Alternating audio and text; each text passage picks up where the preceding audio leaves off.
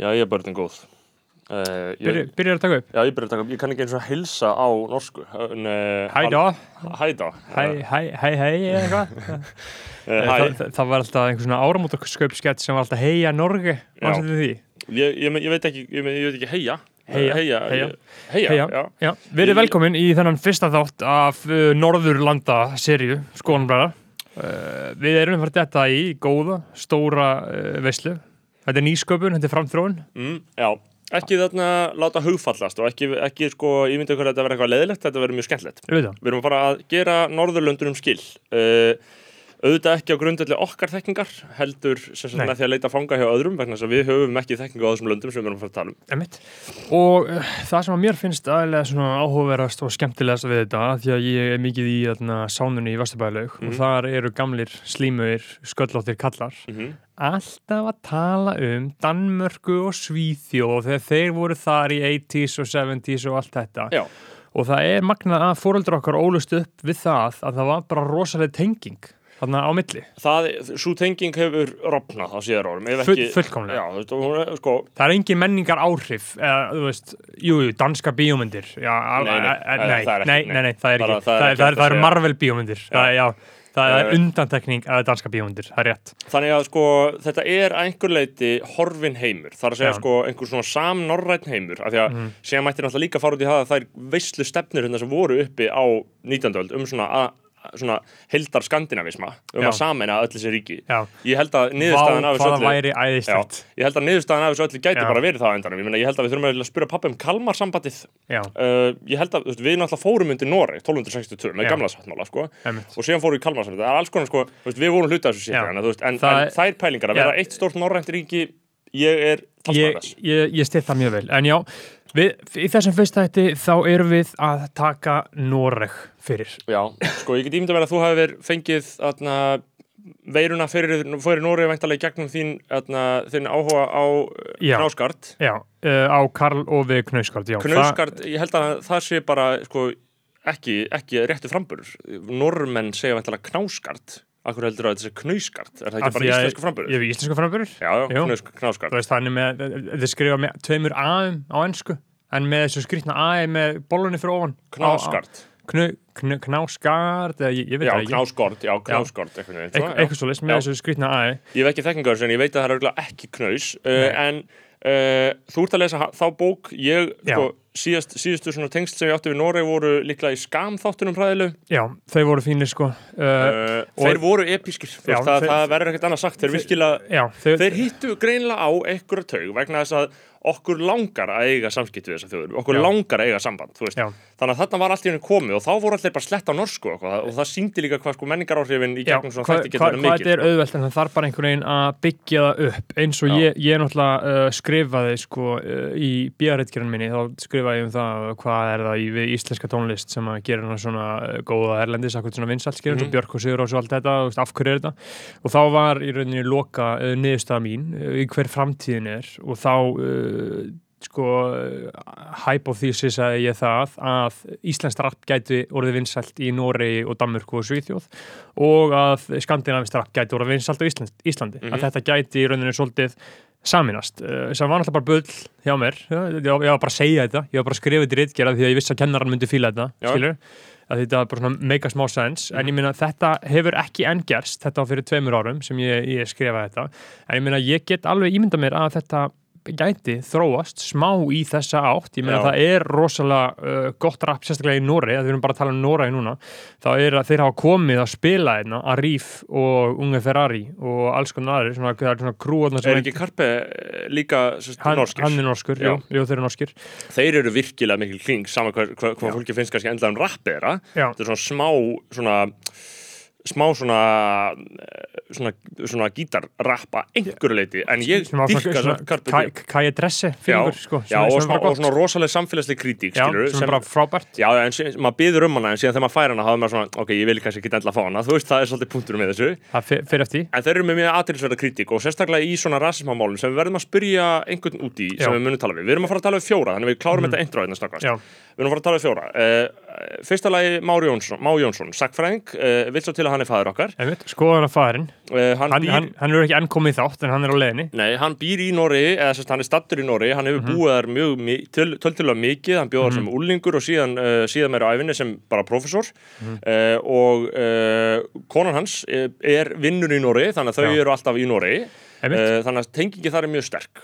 Sömulegis er hann sérfræðingur í mm, íslensku sögu og þá væntalega tengslum við Nóri líka og við ætlum svolítið að spyrja hann uh, út í uh, upphafið, er það ekki? hitt, hittu þetta. Síðan ætlum við líka að tala við Brynjar Barkarsson uh, úr Up, rapparinn Lil Binni. Hann bjó í Noregi með fóröldur sínum 2011, 12 eitthvað svoleið sko, átt að fara í mentaskóla í Noregi, hann er með góða skoðunur á Noregi. Síðan ætlum við líka að tala við Þóru Tómasdóttur, uh, frængu okkar og fjölmiðla konu sem hefur áður komið í skoðanabræður. Hún bjó líka mjög lengi í Noregi, alveg í mörg ári, þannig að hún fór líka í háskólanámar og var bara svolítið djúb í norsku samfélagi og síðan ætlum við að tala við Allastein Gumundsson, blaðamann Já. uh, og bróðorgælisar á mbl.is sem hefur löngum núna uh, búið í Nóri uh, svona sirka frá hruni, bara alveg þú veist, Já. bara komið rétt svo heim eh, vinnur fyrir íslenska fjölmiðl en er á kafi í norskum uh, blöðum allan daginn. Og hann er Já. svolítið að kofvera Skandinavíu fyrir Mokkan uh, og hann hefur held í mjög djúpa og góða þekking á þessu, ég held að hann hafi líka, líka á sín tíma verið að vinna einhver alls konar önnur odd jobs eins og maður segir Já, í veisla, Nóri veisla, Þannig að við þurfum að spyrja hann út í svona nákvæmlega svona samfélagi eins og hann blasir við honum núna því að hann Já. býr þar núna. Uh, Ok, heyrðu, þá ætlum við ekki að hafa þetta lengra. Byrjum veistluna Slánaþráðin til Más Jónssonar.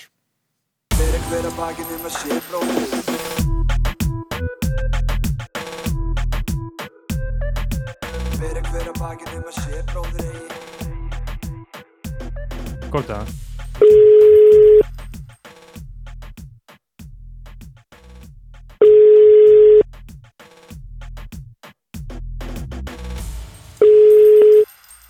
Já, halló. Sælfæðir, uh, Snorri hérna og Berður. Já, Blessaður já.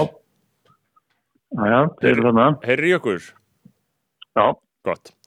Uh, sko, við vorum hérna að, uh, við erum sko bara, við erum í upptöku þannig að uh, viðtalið er hafið og við vorum að byrja að ræða Noreg og við ætlum sko að, mér skildist það á Begga, við ætlum að fá því til að varpa einhverju ljósi á svona forsögulegan tíma þarna og svona hvernig þetta ríki þróaðist. Er það ekki eitthvað sem þú getur gert?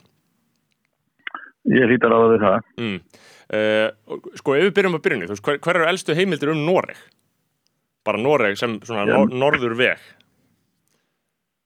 Já, til sem norður veg, það er náttúrulega, þetta er náttúrulega sem ekki til mjög, mjög vekkunur, en það er fólk bjóð hér alveg frá því bara fljótlega eftir að Ísald Já, laug, sko, það er svona 12 10-12 ár- 10-12 þúsund ár síðan, það er byggð, sem sagt, það eru hérna svona steinaldar að járnaldar, steinaldar byggð hér í það í söður Norri og svo alveg upp úr eftir því sem þeirra ísjaðarinn hörfaði og síðan þarna elstu minjar um sama held ég hérna í norðri mm ekki mikið, eh, nokkuð nokku þústöður, einhverjum 5-6-7 þúsund ár, sko, ég er ekki alveg það- þessar tölur á henni, sko. en það eru náttúrulega að um Já, það eru frumbyggjandur og síðan koma germaninnir, eða ekki?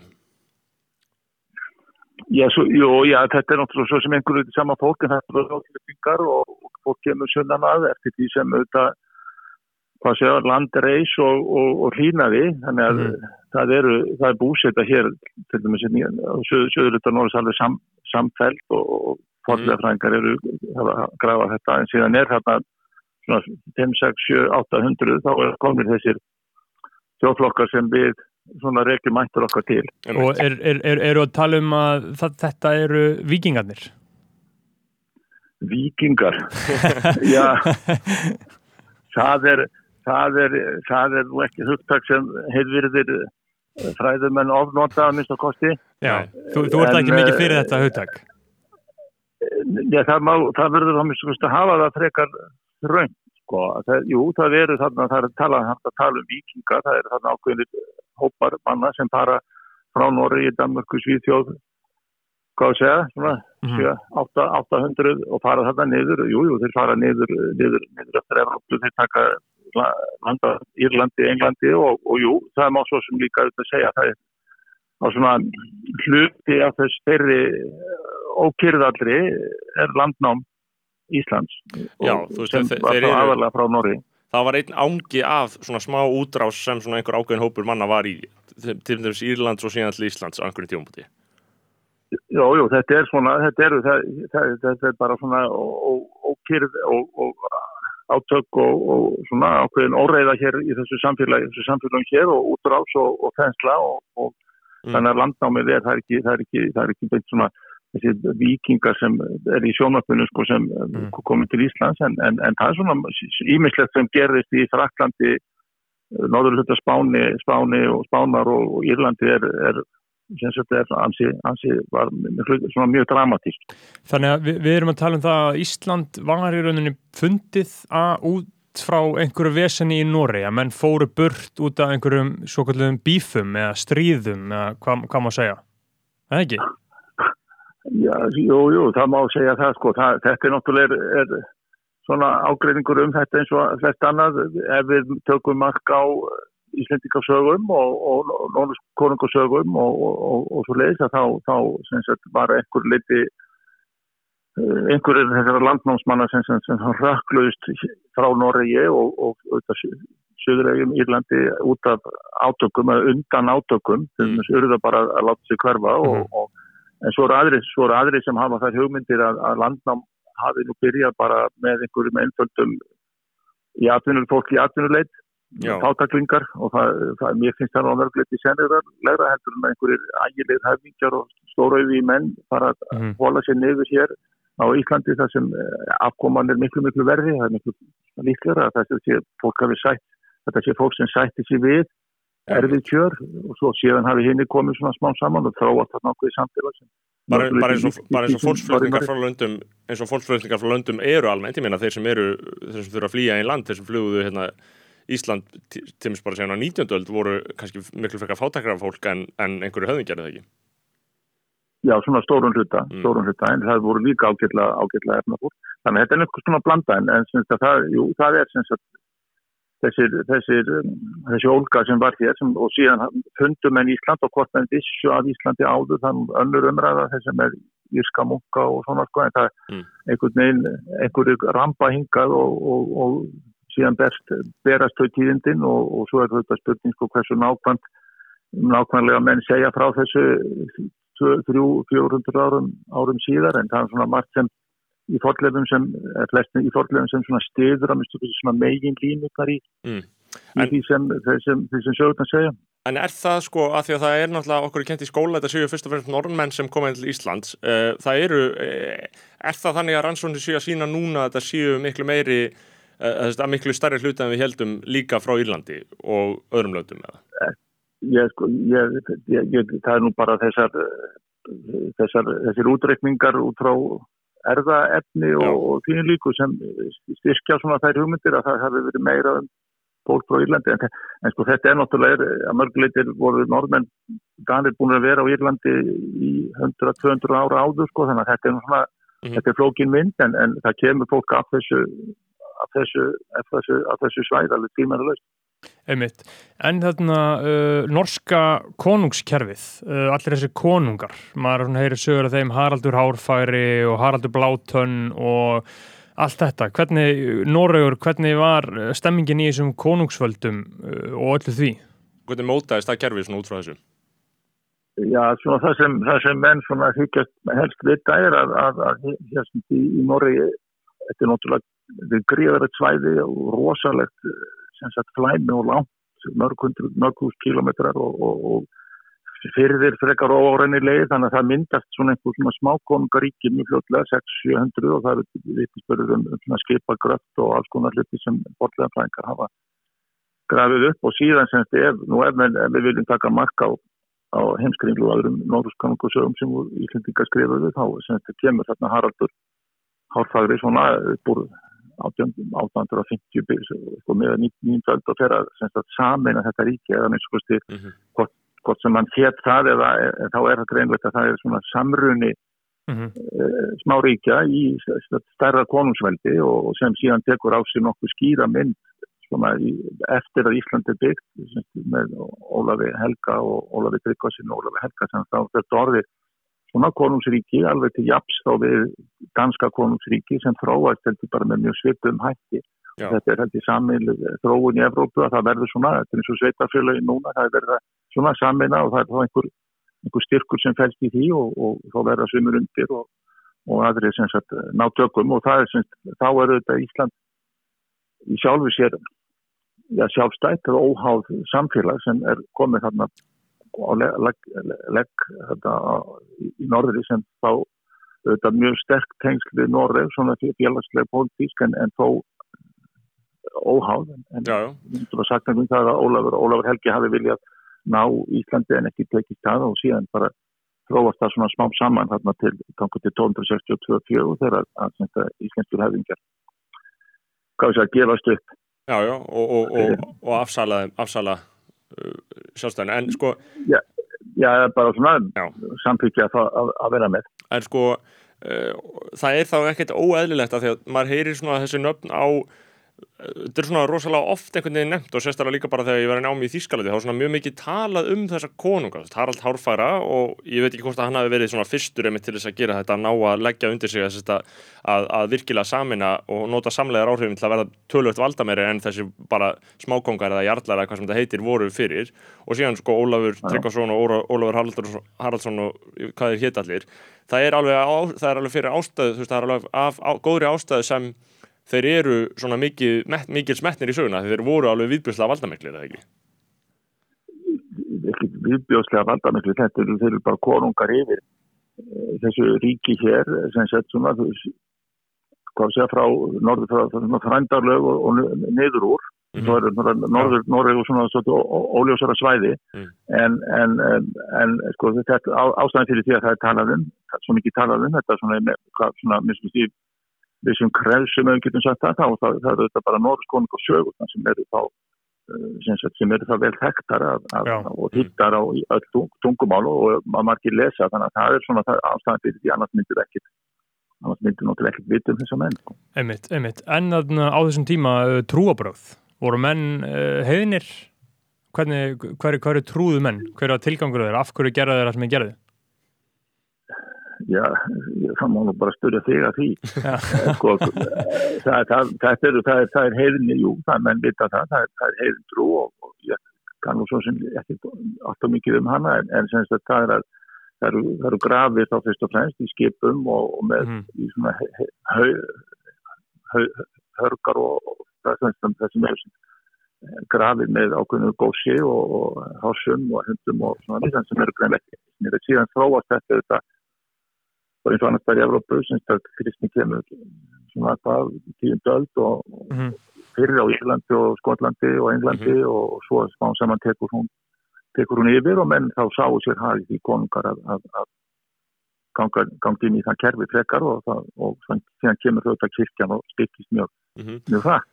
En sko, að því við vorum líka að tala um en síðan bara heldur Noregur áfram að vera þetta konungsríki fram eftir miðöldum eða ekki og það er hérna 1262 til 4 sem Íslendinga ganga konungi á hönd og ákveða að vera bara í raun og veru eitt, eitt, eitt lítill uh, liður í þessu risastóra flæmi uh, Þannig Ísland er norsk eiga, þannig. Já, verður á norsku eigu þarna, væntanlega. en hvað er síðan Já, já, en, já, en sko hlutvöldin er ekkert endilega svo slæmt sko, núna er náttúrulega norðmenn talsveit miklu fleiri heldur en Íslendingar en það er svona menn halda það á, á þessum tíma að þá hafi kannski verið hálf miljón í Noregi og kannski 50, 60, 70 þúsund á Íslandi þannig að það er ekkert, þetta er svona mikilvægara hlutvarslega heldur en það var svo, var svo síðar sko. Og þannig að Norðurskónunga sáu sér mjög mikið hag í því að, að ná sér eh, völdum í þeim skilningi að þeir fengu skatt og, og það eru það tryggir þá kaupsýptingar við, við, við Björgvin eða Bergen og, og svona menningarleg og uh, samt, pólitísk samskipt og eins og þá. Já, þannig að svo veika staða sem Ísland hafði til mis síðan, síðan meir og bara líka náttúrulega inn í Danaveldi orsakast á líka einhver leiti því að við vorum ekkert að fjölgast, eh, okkur var ekkert að fjölga í, í taktu það sem var að gerast í, í herraríkjunum. Nei, nei, okkur, okkur fjölkaði bara ekki neitt fækkaði eitthvað. Já, Og af því að það var svo hartbílt. Já, það er bara flóknar ástæði fyrir því. Ég held að það hafa aldrei verið, það er kannski með vita náttúrulega ekki hvað, hvað voru margir. Það er náttúrulega grunnsamlega sko, með að við svona íslenska eh, menningu á 13. og 14. öld, handritagerð og, og, og svona þá er nú grunnsamlega þátt fólk hérna sko, þannig að menn svona bjartínustu kannski útreikningar kannski sína það er kannski slagaði hátt í 100.000 manns Mm. en síðan fækkar þeim auðvitað við þessar festir á 15. öld, 1402, 1494 sem það bara helmingast þjóðin og, og síðan sem sagt aftur á 18. öld, það er kannski komið til 60.000 og það niður í það 50.000 með, Ja, með ja. bara harð- harðind- harðindum og bólusóttum og, og, og, fleiri sko, þannig Já. að þetta var svona mjög stafnað eða stabíl sko, þannig að svo bara fram Já, það er eins og, það er eins og Guð, hafi aldrei viljað að okkur hafi, að við erum eitthvað almennilega mörg. Nei, sko norðmönnum fjölgað úr, úr ég bara hálfur miljónu í 2 miljónu mjög svona 16, 17, 18 döld sko þannig að það, en semst að það er, en sko 13 og 14 döld eru náttúrulega blómaskeið Íslands Já. og þá er semst að þú ekki og það, það bara batnaði ef eitthvað var eftir að uh, urðum hluta af, af, Norregs veldi Já, Norregs konum Einmitt. Og, og það er semst mjög mikil menningarleg sterk menningarleg samskipti á milli þessara landa, getur við kallað það.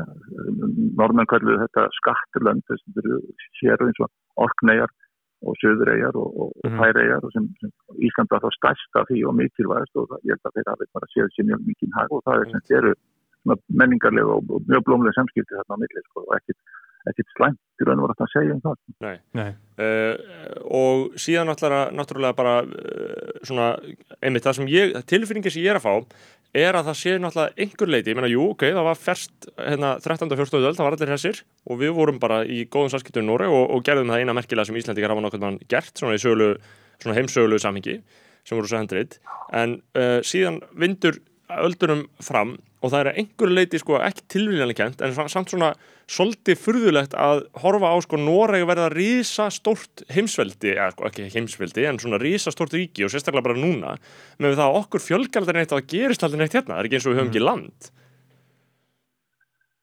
Já, ég, það, þetta er náttúrulega svona einhver samspil umhverfis þátta og, og, og svona einhver óhefni. Það er náttúrulega, sko, Norð, Noregi hnignaði líka, segja, segja menn, segja sagfræðingar þar, sérstaklega á fjórn, eftir miðja 14. öld með svarta dauða, þá Mm. þetta var gert mjög illa að, að jafna sig og, sem, og annar annar stór skandall er að, að sagt týndu tungumárinu Já, Hvernig? 14. fram á, fram á 14. öld þá, þá er þetta sama tungumál sem er talað á Íslandi og, og, og í Noregi og í raun það tungumál sem við tölum ennþá. En normenn, einhvern veginn norskan eða tungumáli veiktist einhvern veginn fyrir áhrif frá, frá Danmörku án þessu þó að, að samskipti væri hann eitt gríðarlega mikið Mm. og þannig að, að um svona 1400 eru menn, normenn fannir að tala bara tungumál sem var mjög svipað eh, dönsku. Einmitt. Og missa þá tengsli við voru hættir, og voru, og, voru, og voru hættir að skilja einmitt, þessa texta og þá náttúrulega eins og Stefán Karlsson bent á að þá hættir þessi menningarlega svona þróa samvinna með handrit og, og texta og bara, bara totnar það saman og hættir og þá náttúrulega veldur því að, að, að á Íslandi þá, þá er ákveðin svona menningarlega neikmun út, út af því hvernig, hvernig normenn út af því að normenn einhvern veginn svona mistu mistu fótana eða mistu, töpuðu tungumálun sem við núna kalla gammel norsk en, en, En það er mjög aðtilsvægt, sko, ég hef ekki hugsað út í það að, að, einmitt, að, að þessi hnignun sem var hérna á Íslandi eftir Já. miðaldir, að við hættum að gera okkar handrit af því það er eins og að komi bara stopp þarna með svartadöðan alltaf í kringum 1400 uh, að það hafi tengst mjög uh, sterkum böndum bara því að normenn hafi sjálfur tapað sínum sinni tungu, það er eins og svona, það hefur skipt máli að hafa þau tengsl áfram. Já, og normenn jafnframt veikjast mjög, þess að norskur efnahagur veikist mjög, verkinn sem höfn, eh, sem náttúrulega stærsta höfn bara þarna á þessu svæði, Mhm. 13. og 14. öld, hún veikist, það eru englendingar sem að taka yfir Norður Allandshafið að mörguleiti, fara að veiða í Ísland og fara að skipta við Ísland og hansa kaupmenn síðar á 15. öld, sem sagt þannig að no- norska ríkið eða norska veldi sem veikist mjög rækilega á 14. öld og svo sem enda, enda það í því að það er samin að sem sagt konungdæmi Margrét Danadrottning fyrsta, sem sagt Margrét Drottning fyrsta og saminast sem sagt Noregur, Svíðsjóð og Danmörk Einmitt. undir eitt konungsvald og þá eftir það er Noregur í raun bara hluti af þessu síðan ja, nokkur, eftir nokkur áratíð með svíum en síðan bara Danmark, Noregur sem, sem konungsveldi sem styrir þá þá er svona Noregur svona veikari hlekkurinn í, í því dæmi og allt flist til, til kaupmannhafnar, Mhm. sem valdi flist til kaupmannhafnar sko. Þannig að Noregur svona og svo, Noregi hignar eins og norðmenn segja núna einmitt, og svo, og svo ef við spólum áfram uh, til þess að binda endan húndin á þetta þá, erum við, þá verður Noregur síðan sjálfstæður hvað, um aldamótin uh, eitthvað í kringum uppur á, á milli á 19. öld eitthvað mann eða Það voru samt að má ekki gleyma einu punkti sem er sem sagt kirkjan, að þið nefndi það náðar, Já, áðan, að já. það er sem sagt að, erkibiskup Íslands satt í að íslenska kirkjan var hluti af norsku kirkjan og og það heldur áfram á 15. öld, fram á 16. öld, en síðan þannig að tengslinn heldust þannig þó að hitt vestlunni veikti, eða færið til, en síðan við síðaskiptin að þá er sem sagt erkibiskup hrakin úr landi, ennbætti lagt niður og Íslenska kirkjan fer undir sem sagt, konung í kvölduna. Þannig að þá er það, það er svona endan húturinn í raun og veru á þessu að þá er sem sagt, hættir Ísland að vera í nokk, nokk beinum samskiptum við einmitt. inn í þess 16. öld já, og þegar, þá er allt komið til, allt komið allt komið til. Danmörkur og, og þeir farnir að ráða öllu en, en Mm. Noregur verður sjálfstæður frá Danmörku hvenar Í 1814 er eh, verður sem sagt Norrögur hlut af, er, voru flyttu, er fluttur friðarsamlinga í Vín það stórveldin ráðskjöðist með þetta þá var sem Norrögur tekin undan danska konungsveldin og settur undir sænska konungsveldi og var sem sagt með sam, samiðan konung í alla 19. öldina en, en, með stórþing og eigin stjórnarskrá og svona þeir líta nú á þetta sem sjálfstæði þá var það verið svona svita og fullvaldi 1918 hér sko. Að, að, að, og, uh, og svo fyrir 1905 er þá gengið frá því að, að Norður verður bara sjálfstætt konungsríki. og er það ekki Já, rétt? 1905 já, Já. og er það ekki rétt að það hafi alltaf verið bara, þetta hafi bara verið allt í hálgerði drullu þarna, það var, það var mjög slæm, slæmt ástand í Noregi hérna framan af í sjálfstæðinu eða ekki? Eftir að þau fengur sjálfstæðinu eða hvað? Nei, nei, nei, nei, nei. Norður, sko, Norður, sko, norski sakfrængar, norski, svona, við erum, sko, Norri, normenn sita nú uppi með svona svipar góðsögur um, um fortíðin eins og við og Mm.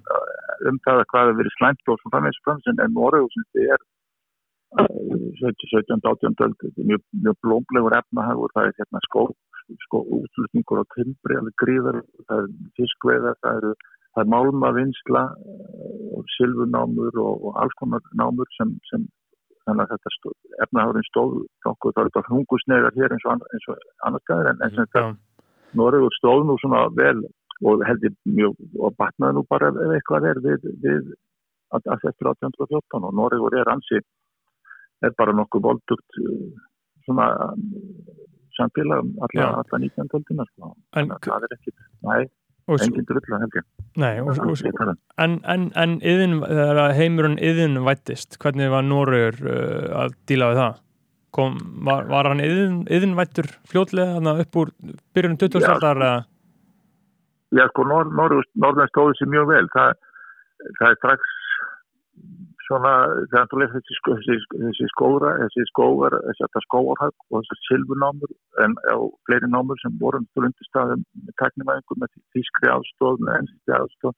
Mhm. Það fór að koma hérna vélar, gufuvélar eh, mjög fljótlega og, og sem sagt um miðja 19. öld til dæmis er í Oslo, tökum bara Oslo, þá er það gríðarlega uppbygging á versmiðjum út af á sem rennur í gegnum borgina með stórum miklum fossum og þannig að þeir, það var alveg bara röðuðu sér versmiðu sem framleitu reypi, e, dúk og, Mm. og alls konar, hluti þannig að það, og normenni eru mjög, þeir eru, þeir eru voru alveg á pari við svona Dani og, og jafnvel Svíja og, og, og fylgd alveg eftir sem það Já. í Englandi og, Mm.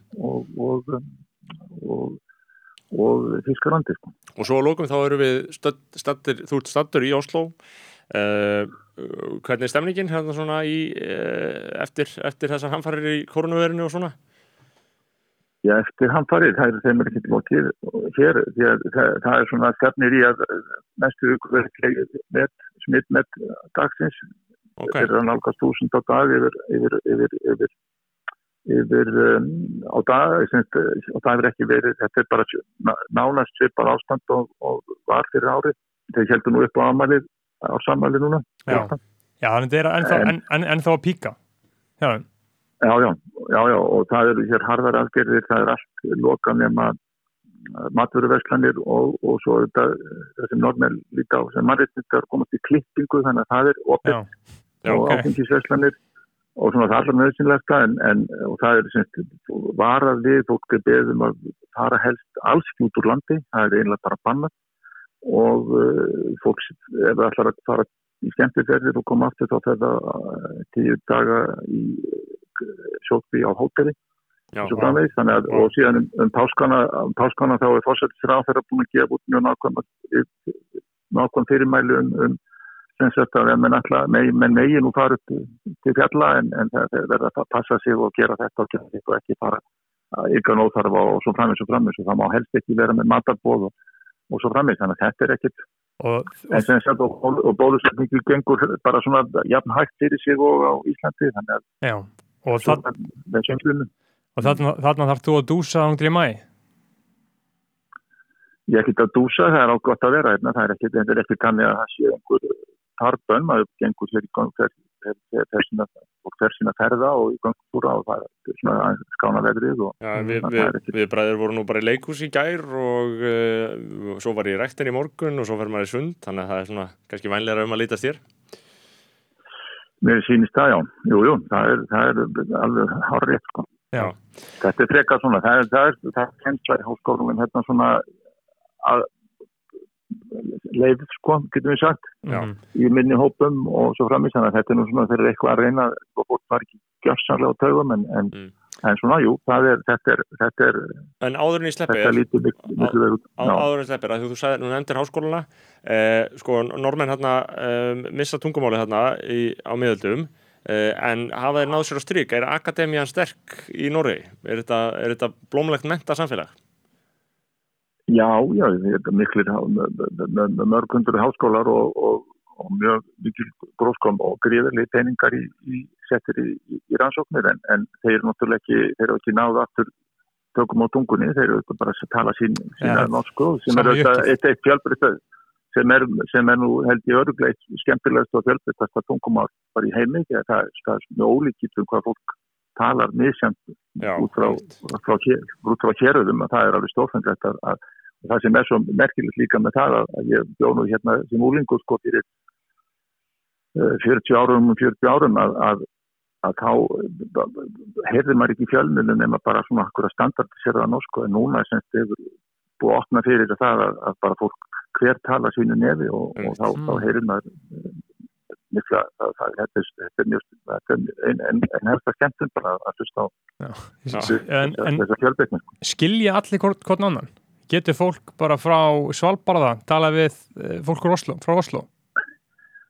Já, ég held að Svalbari sé nú ekki beinlinni sko, en ekki norðmenn þaðan, en, en, en Nei, nei, jú, ég- það, það er auðvitað, það er auðvitað misjamt og, og, og, og svo framins, ég held að það sé ekki, nei, ég hef nú ekki heyrt að nokkur norðmaður segist ekki skilja aðra norðmenn, hins vegar þykist ekki skilja, þykist hvorki skilja Danin ég svíja, en, en, en nei, ég er nú ekki orðið var við það, en, en það maður finnur það að það er engin að reyna, það er engin að reyna að halda eitt aftur af sér, menn bara Mhm. tala sína sitt dialekt og sína málisku og, Mhm. og skammast, ekki, skammast sín ekkit fyrir það og meðan að þetta var það var raun og voru bara maður hefði sögurum þar að þetta undar sem alltaf að vera mútastættir þá eru þau bara að gera svo vel að tala sjónvarsmál sko en mátt ekki þetta og, slípa og, af og hvaða tungumál, hvaða norsku talað þú? ég tala bara svona sjónvars sjónvars Já, norsku, ég lærði nú svona be- bergensku en ég hef bara búin að slípa hana niður í svona sjónvars norsku já. Mhm. Uh, en þetta er, þetta er mjög aðdeglisvert, Mári. Jónsson Já, heyrðu, bara pabbi, takk fyrir þetta. Þannig að Jú, bara gæða góða kemtun gott að fá því ráðuneyti skoðanabræðra þú kemur vonbræðar aftur og gerum þessu betri skil Algjörlega. Því þína, en við verðum í bandi, ok, bye. Takk, Já, bless. blessi fyrir eh, Þetta var Mári Jónsson, Já. mjög ánægilegt Þetta var mjög gott, gott að fá uh, skoðan af föðurinn. Uh, núna ætlum við að ringja í Brynjar Barkarsson. Brynja Níelsson. Sem að bjó í Norei 2011 held ég að sé. og maður fokkin daginn Góðan og blessaðan daginn. Blessaður Brynjar, heyrri mér Já, ég er lág and clear. Hvað, hvað, hvað segir Kjellin? Bara mest að besta sko á þessum fína sunnudegi. Einmitt. Hvernig hilsa maður, Brynjar, ef maður er í Nóri hvernig hilsast svona ungt fólk sín á milli, hvað segir það? Um, ég er bara, hæ, Já, bara hæ, er það orðið, þú veist já, Já. ég held að, minna, já. mm -hmm. Um, og veltaði fyrir okkur á sko. einmitt. Uh, Brynjar, þú bjóst í Noregi hvað lengi? Uh, nýju mánu, Shit. Nýju mánuði, það er svolítið skrítin tíma eining Það er eins og bara uh, ein, ein, ein meðganga. já, þetta var erfið fæðing. Já, Já. Uh, Fæ- fæ- Fæðinga þunglitið það? Já, hvernig, hvernig var, getur þú lístið fyrir mér hvernig var, hvar, og hvar bjóstu, hvað er það þránteimi eða, nei, nei, ég, ég byrði stafangir, mm, stafangur, ok já. Það var svona, alveg, þú veist, þetta er næs sem maður er komin á eftirlaun, sko, þetta er svona fallið staði, það er Já. fallið tré og flóti gólvöllir og hvað annir. mm -hmm. en svo, svo svolítið þinga ef maður er, ef maður er ungur og ferskur sko, held ég þessi skemmtilega að vera í uh, höfuborginni Oslo hvað, mm hvað, hvað varstu gamall allan? um, þannig var ég svona 16 ára eða eitthvað Já, ok, og ekki alveg til í þetta nei, Uh, og, það, það, það er sumt sem, það er sumt sem er glata en maður sko. Já. Já, og, og þú varst í, varst í norskum mentaskóla, fyrsta ári mentaskóla, ekki? já, St. Olaf Já, Seint, Seint Ólafs. St. Olaf það ljóma bara að flörta með það er sko. það var eitthvað skoður Uh, og, og, og þú varst í svolítið, svolítið mögnuðum bekk, ekki? ég var svona international back Já. svona IB Já. svona, svona, mm -hmm. Og hvernig, hvern, hvernig var fólki? Um, Sumir voru actually fínir sko, en það var svona, þetta var svona típuna sem tala bara ennsku fatri. Já, Sumir, sumir bara svo krakkarnir á Íslandi sem tala bara ennsku fatri. Mhm. það er svolítið næst í Alveg fínir, krakkar skilja svona smá, já. Já Uh, og, og, og, og þú segir að, að það séu gallar við Noreg þetta var ekki, hvað var, þú veist, hvað, hvað, hver eru gallarnir við Noreg? Ég veit ekki að ég er búin að býða fokking lengi eftir að fá að lasta matina. Ofta á mér svo misbúið, er bara lengi langur til að hefna mín á Noregi, sko, að bjóða mér á mat, sko. og hvað var það að geta þetta? sko, það er náttúrulega engin standard sko, hvort sem það er bakar í eitthvað, það er bara það er alltaf hangað í þrjá daga sko. þú í hverja til fisk og þú þú ert að bóla hálfa út í fisk sko. það er hvað maður er vanur en auðvitað sko. Ok, þannig að það, já Þegar- þegar veit ekki þú byrðir um eitthvað medium reyð það er bara horta þessu þessu talviti sko. það er bara hambúrgar þú fær bara eitthvað svona kjöt fast sko, bara kveiti Skósóla.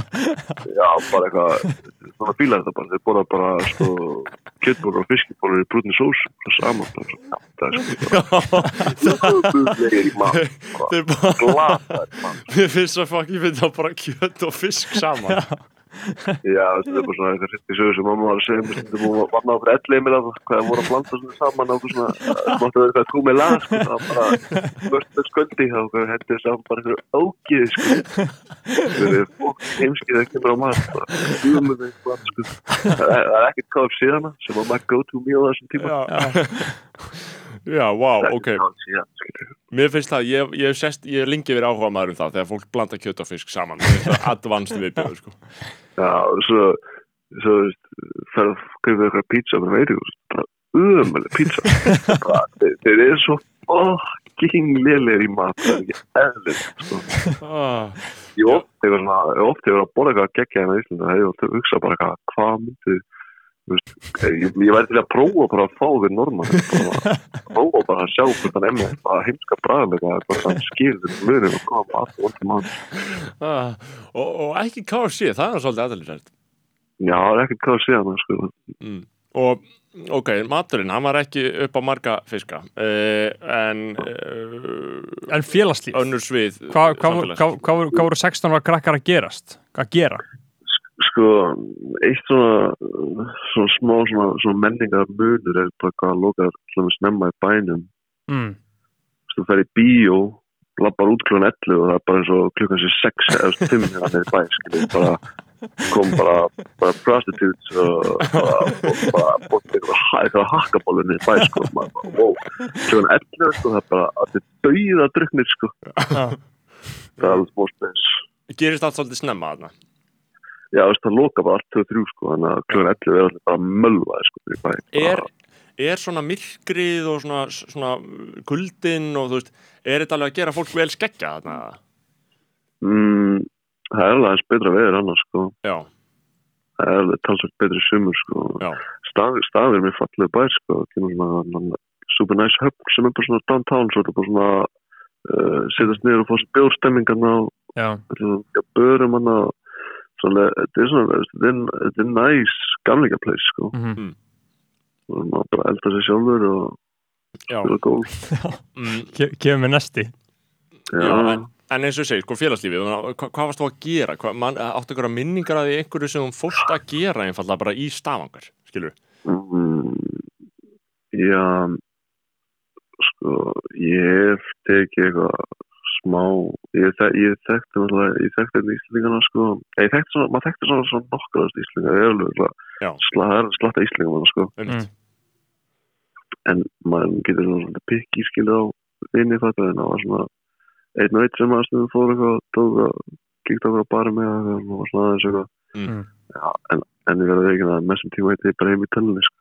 Ég held þetta er bara svo okkar sæðan sko. Já, já, ég held að maður þurfa að vera heiðarlegu með það. Þetta fer oft í þannig dæmi bara þannig Já. pakka, heim í tölunni það er líka bara, maður er búin að vera svo lengi á Íslandi bara alltaf æfa að velja ykkur að viti svo bara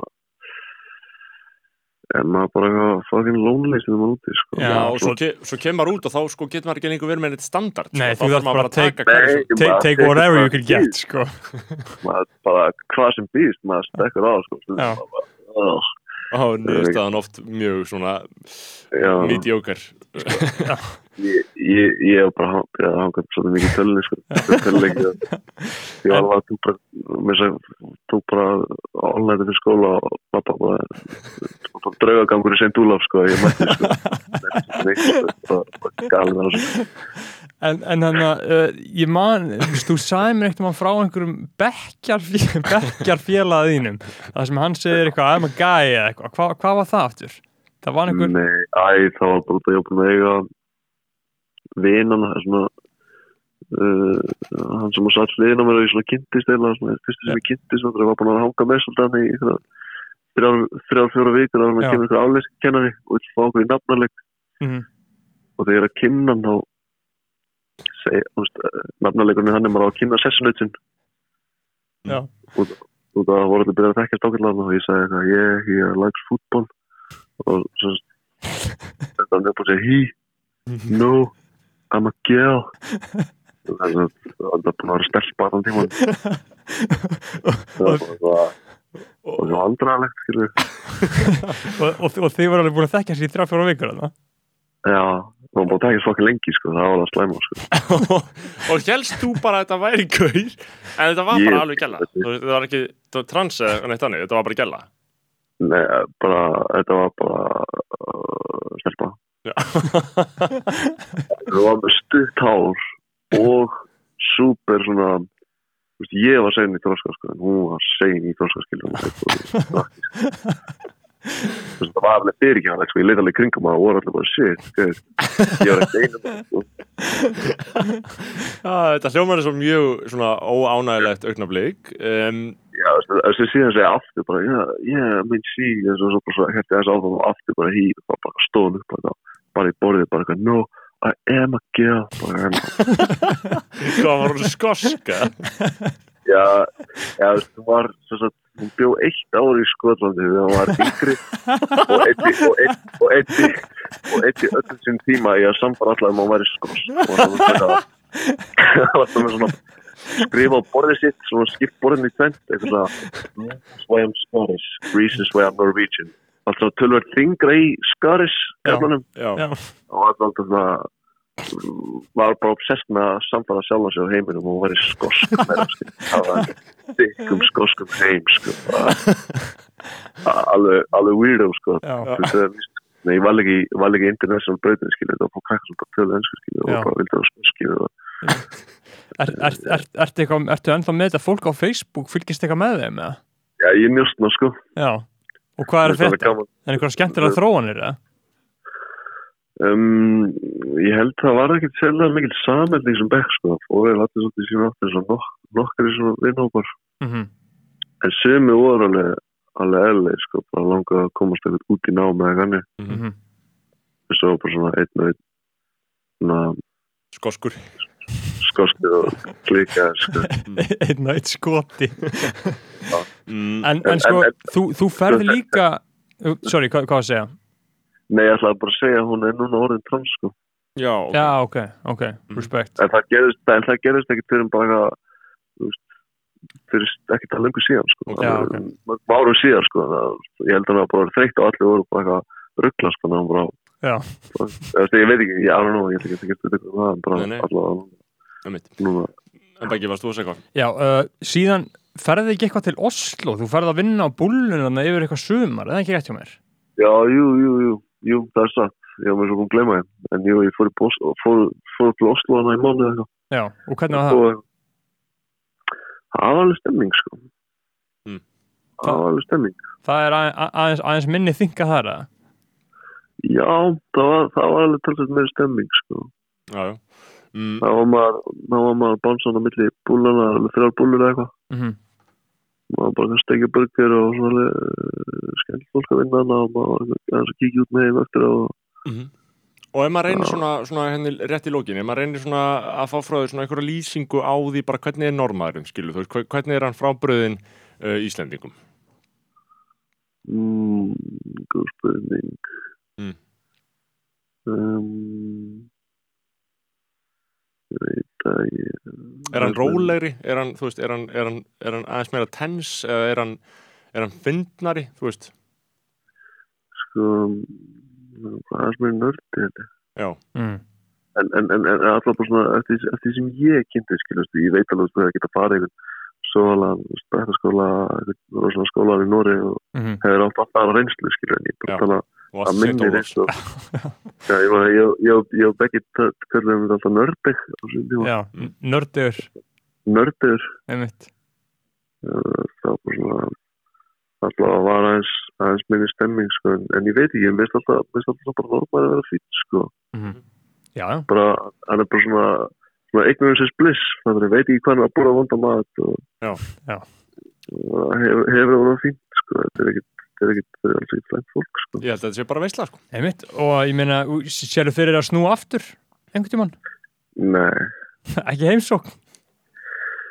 sko, ég gæti alveg fara þarna og tekið golfring eða aðeins eldri, skil, eins og ég þetta er geggja fyrir, þetta er geggja fyrir eftirleðin, Mm skil alveg hvað er, hvað er að píling fyrir gammalt fólk að vera þarna, en mér leikur ekkit á að fara ánga núna. Nei, það, þetta kemst ekki að lista sko, veist, fjölskylda mín er eiginlega bara búin sko, mamman, er- ekki svo að tala um sko, við komum upp í koka fokkin Noreg, sko, Já. Já, þetta er einhvern veginn, sko, að einhver leiti svona rosalega svona uh, þú veist, Noregur, þetta er einhvern veginn bara svona eitthvað svona lélegustu útlöndin að einhver leiti fyrir Íslandi. Já. Þetta er bara alveg lélegustu útlöndin. já, emmi, þetta er, þetta er bara eins og, þetta er, uh, þetta er alltaf útlönd, sko, Ég þetta veit er það. bakar, þetta er, við vorum líkt fólk og fólk er það var Íslandi, það þetta Börnum finnst alltaf spennandi að fara til Noregs, skilur við. Nei, þú heyrir, einhver tala íslensku og kýpur ekki svona upp við það, sko. Það er alveg saman. Það er bara Noreg. þetta er bara. Herru, Eh, þarna- Mjög aðeinsvært, Já. Brynjar. Brynjar, takk kærlega uh, fyrir þetta og við, við þurfum alltaf að fara að fá þig einhvern mann í fullan þátt, eða ekki? Var það ekki frábært? Já, það er frábært. Og aðeins að taka fa- málin föstum tökum hérna. Takk kærlega fyrir að, að gefa okkur einsýn í þetta. Ei, Takk fyrir þetta. Það. Guð blessi, við erum í bandi. Peace. Það er. Við erum konum með Allastein Guðmundsson, eh, bladamann, eh, blessaður allir. Heilir og sælir. Velkomin í skoðanabröður. Jú, þakka ég kjallaði fyrir. Þetta er mikill heiður. Þetta er mikill heiður, veit ég, uh, hvað þarna, hvernig er staðan núna? Varst að hlaupa á þann í Oslo? Ég var að laupa og ég sitt hérna nær döiðin lífið með mitt neskaffi og læt líðu mér flóðalega verki en, en sæll enga síður. Já, já, þetta, þetta er mjög holdt. Ég, ég er farin að efast um þar hennilega en, en jú, jú, mann líður vel allavega eftir og ekki sérstaklega á meðan. Einmitt. Sko við erum búin að vera að ræða við fólk úr einsum áttum. Við erum, með, sko, við erum búin að vera að tala við sagfræðing og bladamenn og, og uh, fyrir um íbúi í Nóri. Þú ert núna búsettur í Nóri, ert búin að vera í hvað, þó nokkur árið ekki?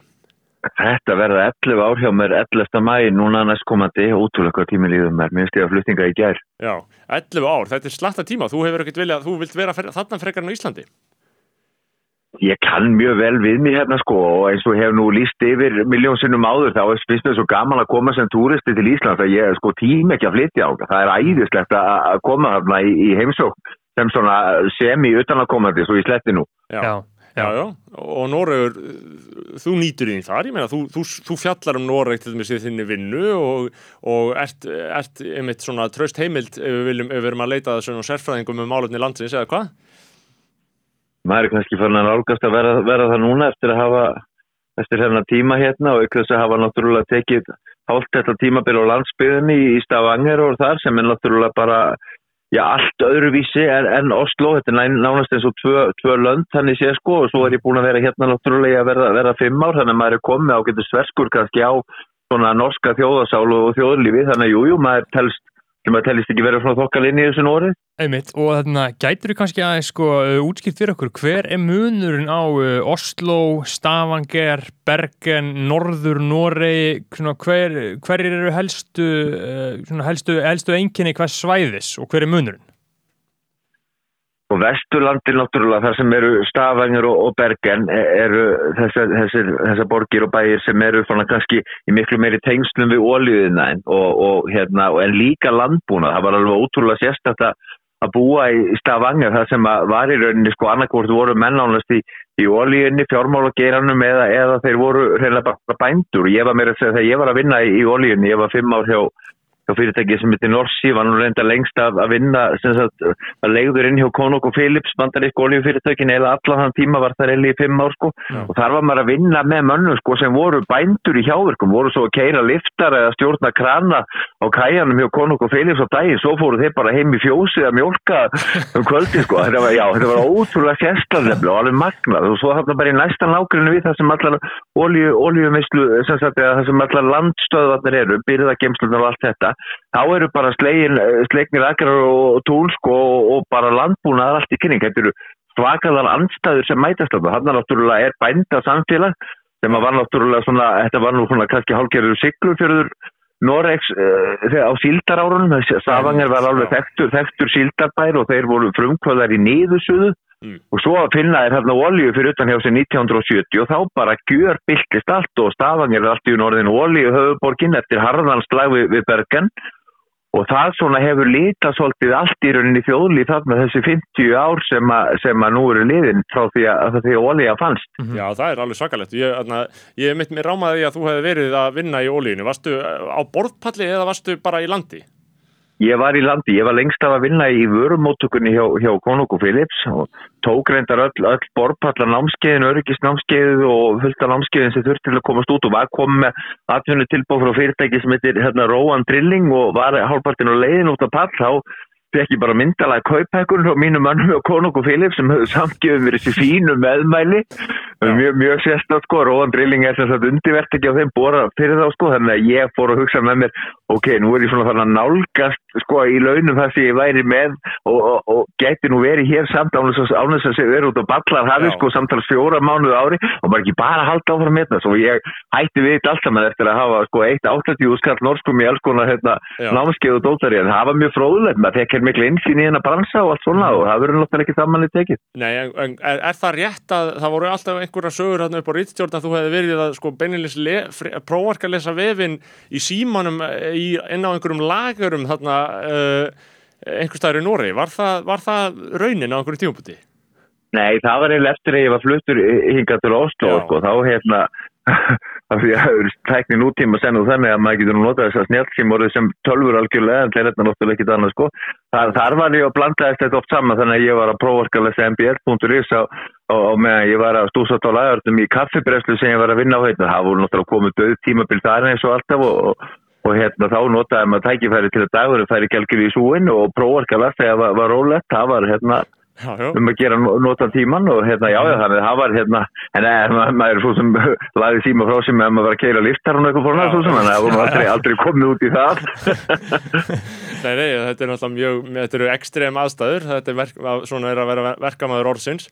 Uh, Já, nákvæmlega. Uh, en, en sko, en, en magna þetta með ólíudæmið, ég meina, þú segir þarna 1970 sem það er sem normenn er að finna þetta, að þetta náttúrulega byltir samfélaginu og er þetta það viðbjóðslega miklu peningar að þetta bara uh, tröllir í þér öllu, eða hvernig er það? Og, og, og hverjir verða ríkir? Er þetta, þú veist, er, er, er þessi ólíubransi sko sambærlegur fiskveiðum? Er þetta uh, íslensku útgjörni? Er þetta heimfærið eitthvað? Er þetta bara eitthvað allt önnur skepna? Ég, ég, þetta er í rauninni önnur vít, þetta er í rauninni, sko, þetta er, ég veit ekki hvernig þetta er á, á þjóðarbasis hérna og ber sama fiskveðar allar normanna og svo oljubransan, en þetta hefur náttúrulega hafa verið alveg óheirilegi peningar sem, að hafa verið sóknir þarna upp úr oljulindum undir Norðursjónum og, og hérna eins og sést bara á þessum oljusjóði sem normenn hafa komið sér upp ára 1996 og, og hleypur núna alveg á sko bara skriljónum, þetta er náttúrulega þessi peningar hafa látna, verið látni liggja þarna og ávastast það var bara uh, frum, frum, frumskilir í byrjum að bara þessi peningar verða bara laðið til hlið og þeir verða geimdir þanga til bara þanga til stöndum á einhverju heljar þrömm og eins og sem í rauninni rættist vegna þess að núna þegar í þessu COVID-19 öllu þá hafa verið teknar, teknar upphæðir út úr oljusjónum bara sem hafa ekki, ekki tekst áður, 4% af honum, núna ég held að það hefur verið 6.000 miljardar íslenskar krónar sem voru teknar, teknar, já, það er ekki í svona ímynda því að það tölur þetta fórna, sko, það voru 4% Já. af sjónum, þetta, þetta var tekið út í mægi fyrir til að styðja náttúrulega við mörg þúsund norsk fyrirtæki Já. sem berjast í bökkum, hér er náttúrulega allt meira og meira loka, En en þannig að þetta eru, já, þetta, þetta er þetta að eru gríðarlega peningar. Að einhver leiti, miklu leiti. Já, já, já, eins og var alltaf, alltaf meiningin, það var, það var alltaf, alltaf staðið á því alveg frá upphafi að þetta yrði varasjóður sem yrði gripið til ef allt væri á leiðinu bara lóðbeint niður í neðra og normen stóðu við þetta og meðan til dæmis breytar og skota sólundu sínum oljupenningum, þeir eru ekki krónu sko. Já. Þetta er náttúrulega bara dæmiger norsk ráteldasemi, þetta er svona, ég nú oft, grínast með þetta, er svona hálfgerð afa og ömmu þjóð, það er svona bara að að fyrir hlutunum og svona, þetta volum ekki þannig hugsunar áttur, en eins og var á Íslandi fyrir 40-50 árum sko. Já. Uh, en núna er náttúrulega uh, heimurinn að breytast og tímun er að breytast og núna er olían orðin svona svolítið illa séð alþjóðlega. Við sjáum eins og uh, prins Bin Salman í, í Saudi, okkar maður þar, er svona að gera aðra rástafanir, að búið þorpi í eðimörkinni og alls konar eitthvað. Ég meina, hvað eru, hvernig eru norðmennar pæla í því? Ég meina, olían mun klárast eða hvað og mun olían eðilegja heiminn? Hvernig, hvernig eru þær pælingar í gangi? Ég held að menn, menn ásta sér náttúrulega alveg á því hérna, þetta er núna náttúrulega á niðurlegu og það er náttúrulega kom gríðalegt högg, högg á þennan bransa síðilega árs 2014 þegar uh, oljuverðshrunið, heimsmarkasverðshrunið mikla var þegar tunnan fór úr held ég, hvað var það, 123 dólarum þegar, þegar gullaði stóð sem hæst hérna 2012, 13, 14 og neyri bara sko, ég held að hún var færinir í 27 dólar hann á tímapunkti Já, árið ok, já. 2016 Wow. þegar þetta bara allt bara hrundið þetta auðvitað hefur þetta sveifla svona en gullöldin í norsk oljunni var kannski svolítið svona 1980 til 2000-2005 það átt að segja allir á því núna að þetta er á niðurleið bæði oljunnotkun í heiminum og náttúrulega þessar, þessar lindir náttúrulega eru ekki eilífar, þetta er ekki eitthvað sem bara vex á, á trjánum, þetta klárast náttúrulega. Og þó að normen hefur sér náttúrulega nýbúinir að finna þetta Jóhann Sverdrúpsvæði sem er alveg, alveg risastórt, þá náttúrulega líkur þessu einhver tíma. Og eins náttúrulega heimurinn er farin að, farin að líta þennan orkugjafa allt öðrum augum núna í ljósi, í ljósi loftslags aðstæðan og svo framvegið sem var. Þannig að þessu mun, mun ljúka og normenn munu færa sig yfir í eh, aðra rættinu greinlega, sennilega ekkert eins, eins stórt og þetta en, en þetta náttúrulega var, var landbúnaður og fiskveiði þjóð og, og það er alla líkur á að hún, hún náttúrulega verður það áfram. Það eru, enda, eru tveir aðal póstarnir ef litið er framhjá ólíunni þannig að þetta fer væntalega aftur í Heldur það sé ekki fyrir sig að það verði eitthvað svona politist svekkelsi og meðal þeirra sem, sem svona sjá fram á að, að, svona sjá, sjá svona sína sængu upp breyta eftir því sem þetta verður minna, ég meina bara svona svo umræðin í bandaríkjunum með þessa fracking og, og eitthvað svona, ég meina að fólk veit haldi í störfin sín, heldur það verði eitthvað svona vesen hann í Nóri, Það verð- já, já, já.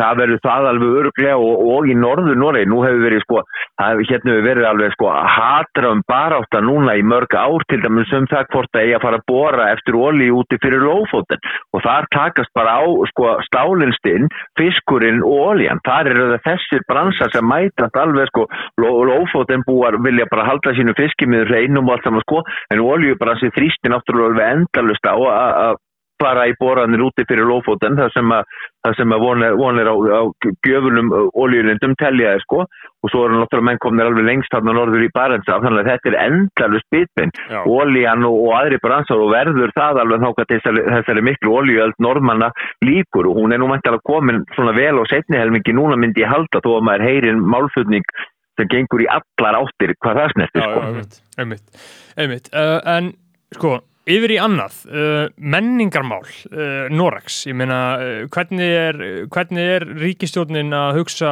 uh, ég meina bókmyndir, kvikmyndir uh, sjómasframleysla, allt svona? Ég meina hvernig, hvað finnst fólki um þetta? Meiri þess að þú segir þetta að því ég, ég ráma þá einmitt í að normenn séu eitthvað rosalega mikið að niðugreiða bá- bækur Já, og kaupa ég- einhver eintök af hverju Ég, bók ég, ég heyrt að þau kaupa einhverjar þúsund eintök á hverjum einasta bókum og gefa öllum bókasöfnum þetta, er það rétt hjá þú Já, já, já. Það, ég hef ekki mikla einsýn í þetta reyndar en, en hér, hér er náttúrulega, hér eru menningamál mjög eins og allstæðir Skandinavíu og Norðurlandunum eru mjög ofalega á baui og hér er, hér er barist hart við að lada að erlenda kvikmyndaframlegendur Mhm. og með, með, með styrkjum, þessum svo kallu kvartningastyrkjum sem að hefur hérna laðað allavega Tom Cruise og hans fólkinga marg oft í tvær Mission Impossible myndir og hugsanlega þá, þá þriðju eða sem sagt sjö- sjöund eða áttundi, ég man ekki hvort á næstunni en, en bókaútgáfa og innlend kvikmyndagerð þetta, þetta verður alltaf stjórnvöld hér hafa, hafa stutt mjög vel við þetta eiginlega þvert á, á flokka og hérna mjög öflugur menningamálar á þeirra núna hann Abid Raja sem að hérna hefur, hefur líka eh, já, hvað maður að segja, hann hefur nú kannski lagt mikla áherslu á, kvikmyndagerð en bókmyndir hafa náttúrulega alltaf alltaf rist djúft hérna eins og Íslandi og hér er, hér er stutt mjög vel myndi ég segja við alla, alla menningu ekki E- það e- að ég er svo sem liggi að fylgjast með þessu Nei, eru þeir brjálaðir út í hann uh, Knáskart? Er fólk almennt brjálað út í hann að Karl Óvi Knáskart? Nei, nei, ekki svo þetta er bara, þú veist, þetta er típist tuð sem að sem að kemur upp á svona en, en ég myndi ekki segja neitt verið svo sem brjála það, það er svo mikið jafnað að geða sem einkennir þessa þjóð sko, það þarf maður sér mikið til að koma einu hefðbundan normanni úr, úr jafnvægi, Já, eh, satt að segja. Einmitt. Uh, en sko, eh, mér langar líka ein- einmitt að forvittnast um, um eitt sem er uh, þessi, að því að við vorum að ræða við föðu minn sem er einmitt í Oslo núna og, og við vorum að ræða við hann um, uh, svona þessar, allar þessar ólíku mállískur sem eru hérna bara víða um land uh, og svo er líka talað um, um það svona yfirborðslega að, að það sé þessi Þetta bókmál og svo nýnorska. Eh, Hvar, hvar eru skilin þarna? Getur þú svona að gefa mér konkrétt lýsing á því hva, í, hverju, í hvaða samingi hvort er notað? Sko nýnorskan, nýnorskan var í rauninni búin til ára 1850, það var málfræðingur að nafni Ívar Ósen sem að í rauninni bara smíðaði nýnorsku. Já. og náttúrulega þá hafði uh, sko, normið voru náttúrulega undir danskri stjórni hátt í 500 ár. Og, og þá var hérna mikið til bara tölu danska, þið sjáu það helsti rítöfundur uh, normanna Knut Hamsun sem er bara hinn norski lagsnes, hann skrifaði flesta sína bækur á, á dönsku. Já, og hérna en, en, já, já, já, en Ívar Ósen hann hafði það markmiði að í rauninni setja saman í eitt skrifmál vegna þess að nýnorskonu bókmáli er í rauninni sko uh, er í rauninni skrifmál. Þetta er svo er náttúrulega ótal mállískur í talmálun en, sagt, þetta er skrifað mál sagt í rauninni bókmálið og, og hérna nýnorskan. Og hann ætlaði sagt að búa til sambland af því besta af norska landsbyggðamálinu af því sem honum fannst fegustu máliskunnar búa til úr því búa til rítmál úr því og það var nýnorskan. Og svo hefur, verið, hefur þetta verið barningur og mikið svona reyptók millir þessara tveggja málforma bókmáls og nýnorsku í Noregi og sveitarfélög eiga til að taka sko afstöðu með öðru. Og þegar ég var til dæmis í námi í bor og bröndtekník þannig í oljubransanum þá var þetta þannig að sko að kennslubækurna voru á bókmáli fram, fram í sko miðja bók sko og þá tók við nýnorska og restin af, bókinu voru nýnorsku og þannig er þetta oft.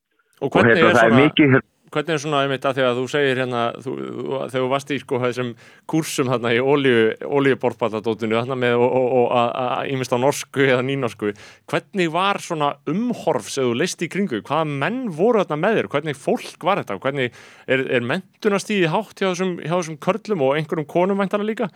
Uh, í, í olíunni? Já, bara svona hva, Það- hvernig er stemningin hann?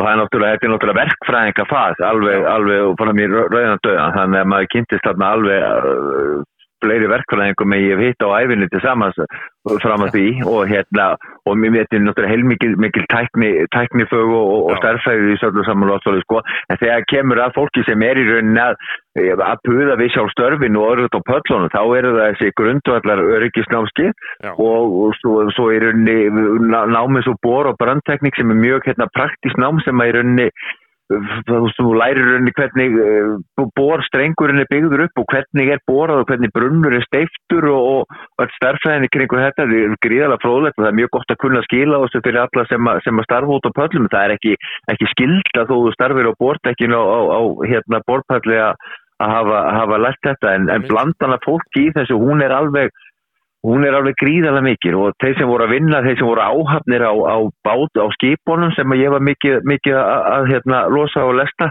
sem að sikla út á borparlana, það voru eiginlega allt uh, það voru voðalega mikið menn frá, frá norður Noregi, það voru heila áhafnir sem voru allir rauninni frá Finnmörk og, og Trúms, sem eru náttúrulega svo mi- miklu sjómenn að þeir hérna svoðust alveg í, í þessu störf og þar er, þar er þetta bara þannig að það er unnið í áttatíma og frí í áttatíma og svo er bara túrin, þú er bara þrjár vikur Já. og svo ertu, ertu þrjár vikur í frí sko, þannig á, á, á skipunum sko, þannig og þeir vinna bara átta tíma og, og, og, og kvíla sig í átta tíma allan sóðaningin, þannig að þetta er. Mjög hérna sérstætt minnstur að venja sig við en þetta vilist eiga voðalega vel við, við þá að norðan og hérna en maður kynntist býstna mörgum uh, norrlendinglum þarna borðið í þessu skipum. Þeir eru mjög hessir og svona svona, svona viss íslandíka bræður svona, Já, maður já. þarna nóður eftir. Og einmitt talandum einmitt norður Noreg vegna þess að þú varst eh, og, og hérna, þú, þú, þú mátt ekki láta það bræða hérna við skoðanabræðum við, við, vöðum úr einu í annað sko. Eh, Já, það er fínt maður. eh, talandum norður Noreg varst ekki hérna í heimsókn bara á, á hjara veraldar hérna á sínum tíma þegar þú varst að fjalla um sakamálið hérna nýverðum með það sem banaði bróðu sínum? Jú, jú, í Meham, það, hérna, jú, ég fór, hérna, fór bæði til Meham skömm eftir þetta gerðist 2019 og, og dvaldi þær í fjóra dag og tók nokkuð viðtöl við bara bæjastjóran prestinn og, og hinn og þess að svo gengur og gerist og svo náttúrulega var ég við réttarhöldin og, og, og það er alveg rosalega upplifun að koma koma þarna norðum, þetta er náttúrulega mörg hundru kilómetru norðar en Ísland, Mhm, fólk verður átt á því að mjög erfitt að ímynda sér þegar maður er komin alveg langt norður fyrir heimskautsbaug og bara erfið barenshafi í raun. Og ég var hérna í glampandi sól og fínu veðri í júni 2019 að áttast að hitta en alveg hérna rosalega fallin áttur og svo voru bara reyndýra hérðir hérna að spóka sig og, og samarnir eh, sem eru náttúrulega, náttúrulega samíska er, er náttúrulega ofinbært tungumál hérna í la- landinu. Eitt af þremur á í norsku bókmáli Hvað er samíska? Samíska er sem sagt fr- frumtunga samíska þjóðflokksins, það eru þeir sem eru þarna mikið til í þessum nyrstu fylgjum, Trúms og, Finnmörku, þetta er þjóðflokku sem er líka í Svíþjóð og, og Finnlandi Já, og hérna skiptast í nor norður og þeir eru með sitt eigi þing í, í Finnmörku sko, það er sa sama þingi sko, þeir eru svona, Já, þeir eru ekki ósvipa grænlandi, grænlandi sko, þeir eru svona, svona að reyna að vinna því áttina því að, að verða þjóð, alveg sjálfstæð þjóð innan, innan Nóri sko, þeir eru allavega þjóðflokkur, eru með sitt þing og sinn þjóðháttíða og sitt eigi tungumál, Og það er það öll skipti og kallaðir áfram áður lappar en er ekki lengur hefð fyrir að gera e, e, e, var, það ekki, var það ekki tekið úr umferð það ágætt eða það er ekki notað allavega mikið lengur sko, en, en, en hérna sko, þetta, eru, þetta eru nokkri flokkar sem samanlega skiptast inn fyrir sig, ég veit ekki almennilega hvort, að, að hugtæki lappi á sínu tíma náði yfir alla saminsku þjóflokkana, ég efast um það. En, en þeir, þeir eru náttúrulega ábyrðandallir fyrir norðan og, og þeir hérna, eru, eru mikið eru ná, svolítið eins og eskimórun á Já. Grænlandi en hérna hugulegasta fólk skilst mér, ég hef nú aldrei, aldrei hitt held ég sama svona face to face og ég sletti nú. En það er svolítið aðtilsvert að þarna sé bara eiginlega sambíli við bara uh, fólk sem hefur allt aðra litnaðarætti sko.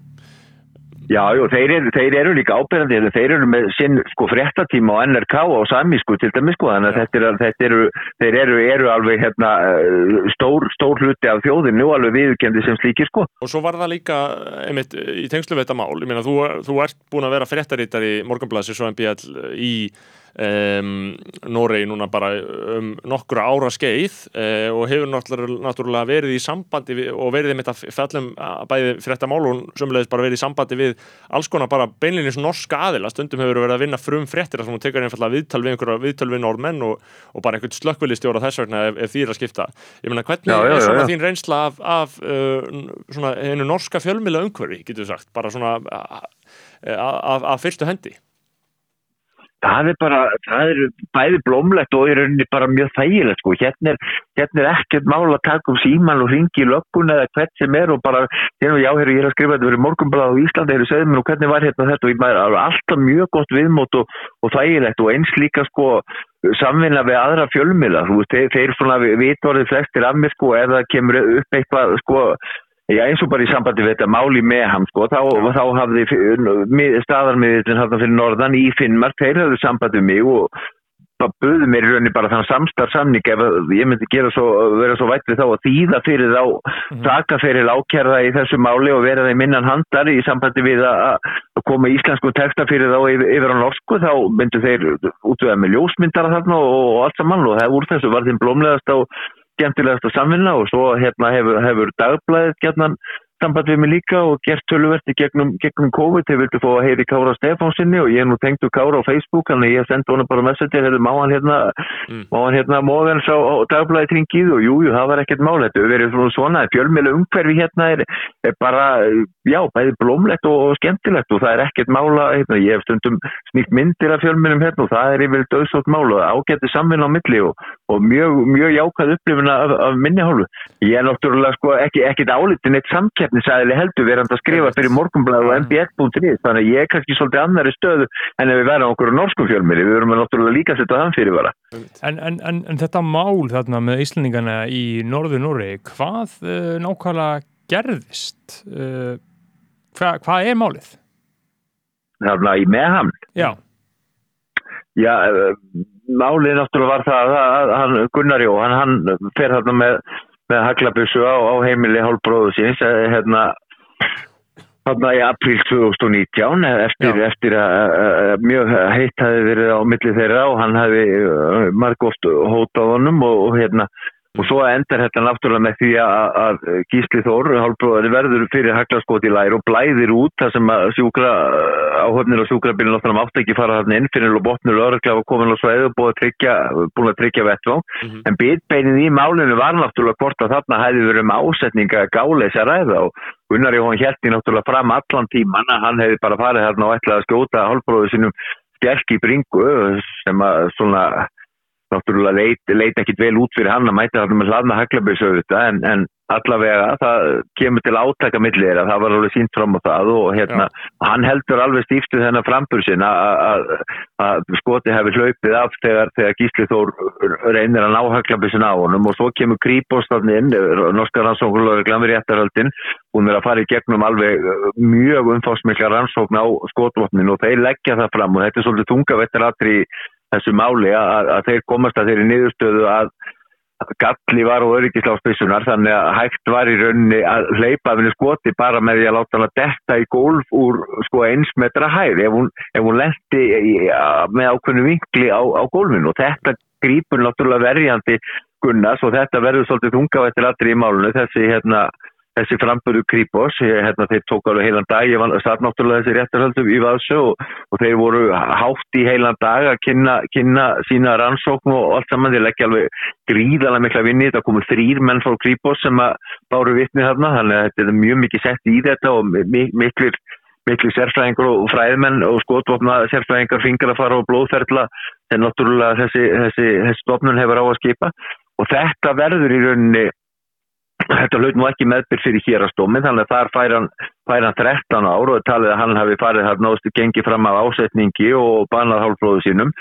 En fyrir lögmannsréttunum í, í Trúmsö núna nýlega þá, þá fær, fær verjandin kemur hann þessu gegn að þarna hafi verið sennilega um gáleisaræða þeir hafi lendið átökum um haglabissuna og það náttúrulega þannig að það er enginn til frásangur um þetta á ettvangin um að Gunnar Jóhann og þetta verður náttúrulega aldrei sko dregin eitt meira fram í dagsljósið en hægt er að sína fram og með öllum þessum rannsóknum frá Kripos og við veitum að verður þetta aldrei ljóst og, og lögmarsréttinu klopnar þarna með myndir að hafa verið þrýra móti fjórum sem er náttúrulega, verður ekki tæpara sko. Nei. En hann fær fimm ár þar og gáleysi og hérna fekk, fekk þetta í gegn þar en auðvitað veit náttúrulega engin nokkuð tíma og hann náttúrulega sjálfur búin að sko sitja að drikja og amfetaministlu heila nótt og óvist hversu mikið hann mann, hann auðvitað verður þetta aldrei algjörlega ljóst. Einmitt. En þú rætti við hann, eða ekki? Það, jú, ég, ég heimsótt hann í, í fangilsið þannig var svo síðasta dæminni átti flug tilbaka á, á förstudagskvöldinu og, og hérastómur uh, hafði stuttan dag á förstudeginum og kláraði um hátti þannig að mér gafst tækifæri til, a, til að heimsækja hann í, í, í fangilsið og átti þar spjall við hann svo úr var þetta viðtal sem byrstist á mbl.is og hérna ég hef nú verið eini, eini fjölmiðlinn sem, sem fekk að fekk að spjalla við hann. Það var náttúrulega mjög gott að draga fram að hans lið á þessu máli, ég var nú ekki mikið að leggja á hvað gerist þess að nótt í rauninni, heldur frekar í rauninni bara kannski hans barnæsku eins og þeir muna kannski sem lása þetta og, og hérna fiskerið og flutningarna til Noregs og, og allt þetta og hvað verið framöndan hjá hann sko og hérna, Þetta er en jú, þetta var já, já, já, Svakalt mál. Um, já, allir, það er mjög gaman að hafa þetta í skoðanbræð. Sko, ég veit ekki hvað ég þyrft að spyrja um. Það er, ég, ég er forvitin um norska herin ef að þú veist eitthvað sérstaklega mikið um hann. já, mikið og mikið Mikið og mikið. ekki. hva, Ég- hvaða stöðu gegnir herin í uh, þjóðlífinu? Hér er náttúrulega herskilda þannig og það er, það er mjög ábyrjandi þegar, þegar náttúrulega ungt fólk sem er að fara í það sem heitir förstugangstjenesti sem er að fa- fara í svona fyrstu herþjálfun flesti taka náttúrulega bara þetta ár.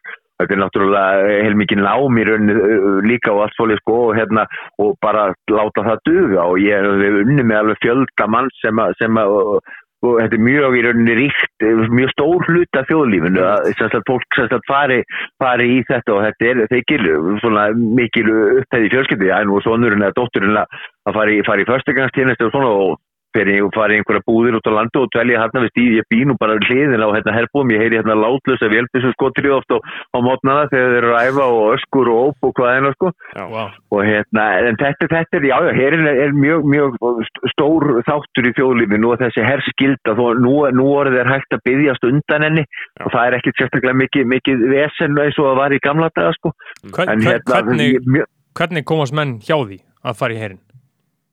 Ég held að núna sækið þið bara um, ég held að það sé ekkit merkilega en það núna að menn bara það, ég efast um að fólk þurfa að bera við einhvern trúar af eitthvað, ég, hreinlega- ég þekki það ekki en áður var, var þetta flokkan og menn þurft að að vera hel, helst einhverja ákveðin trúaskoðan og eitthvað en núna held ég að hérna, fólk bara ef það viljið ekki þá byggjast það undan þó þetta sé alltaf að tala um herskildu en ég held að það sé ekkit algengt ég held að fle, mjög margir í rauninni að flestir jafnvel sem fá kvarningu fari og líti bara á þetta sem hluta af sínu framhaldsskólan er náttúrulega hvað, 17 eða 18 18 ára fó- fólk sem fer í, í, í þetta og svo bara kemur það tilbaka og klára sér stúdinspróf og heldur áfram með lífið. Einhverjir ílengjast náttúrulega.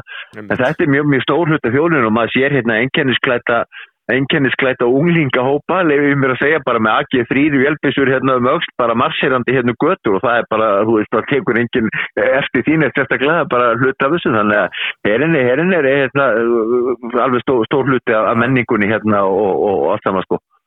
Já, það er mjög aðtilsvægt mál. Já, ég, sko, við, mitt, við erum búin að, sko, núna erum við komnir að, að endamörkum þessa þáttar, við höfum verið, sko, við höfum talað við, þú ert fjór, þá, fjóruð sem við tölum við og ég held að við höfum ná bara ansi vel utan um Noreg í þessari, þessum sérstaka þætti okkar. Ég held það, já. Já, það er svo stórt fínt, það er, það er ljóst að Íslendingar hafa uh, gaman að því að fylgjast með því sem er að gerast hér og í Danmörku allavega, þessi lönd sem, að, það sem Íslendingar hafa nú verið svolítið með annað fótinn og náttúrulega svíþjó Já. líka, það er námi og vinnu, þannig að þetta er nokkuð næstu nágrannar fyrir þetta grænland, þannig að Já. já, það er um að, um að gera að hafa svolítið líflega umfjöldun á, á Íslandi um Skandinavíu og það sem er að gerast hérna. Já, Svo, já, svo og, sannarlega. og, og það er náttúrulega, það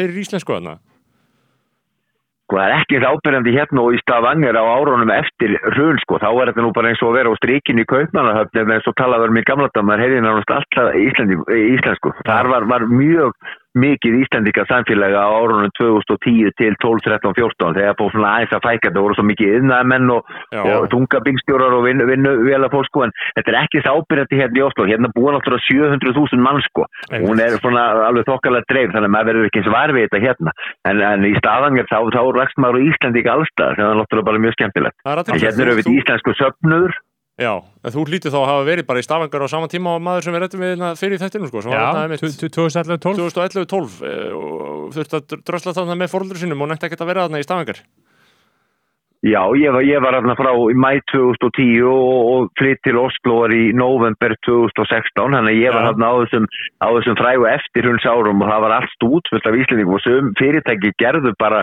út á að að ráða Íslanding eins og Asko sem er risastór fyrirtæki í matvæladreifingu.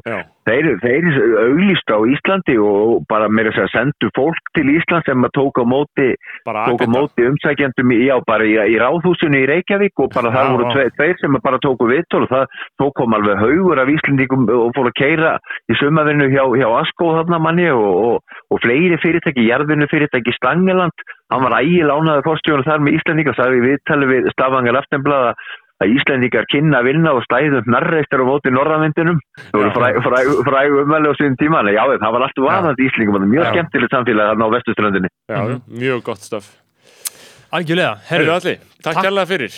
Takk kærlega fyrir Það er þetta. sömulegis, virkilega gaman að heyri ykkur drengi mínir og bara hafið það sem best. Ég Sömuleiðis. byrði að helsa til Íslands eins og alltaf. Við skilum því, við byrjum eins og þetta Norex Skilum við, skilum við, skilum Ok, Takk kærlega. Takk, bye, bye. bless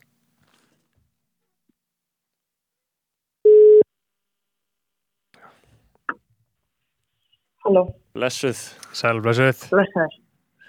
hvað segir, segir gala? Jú, bara helviti gott. Er það ekki?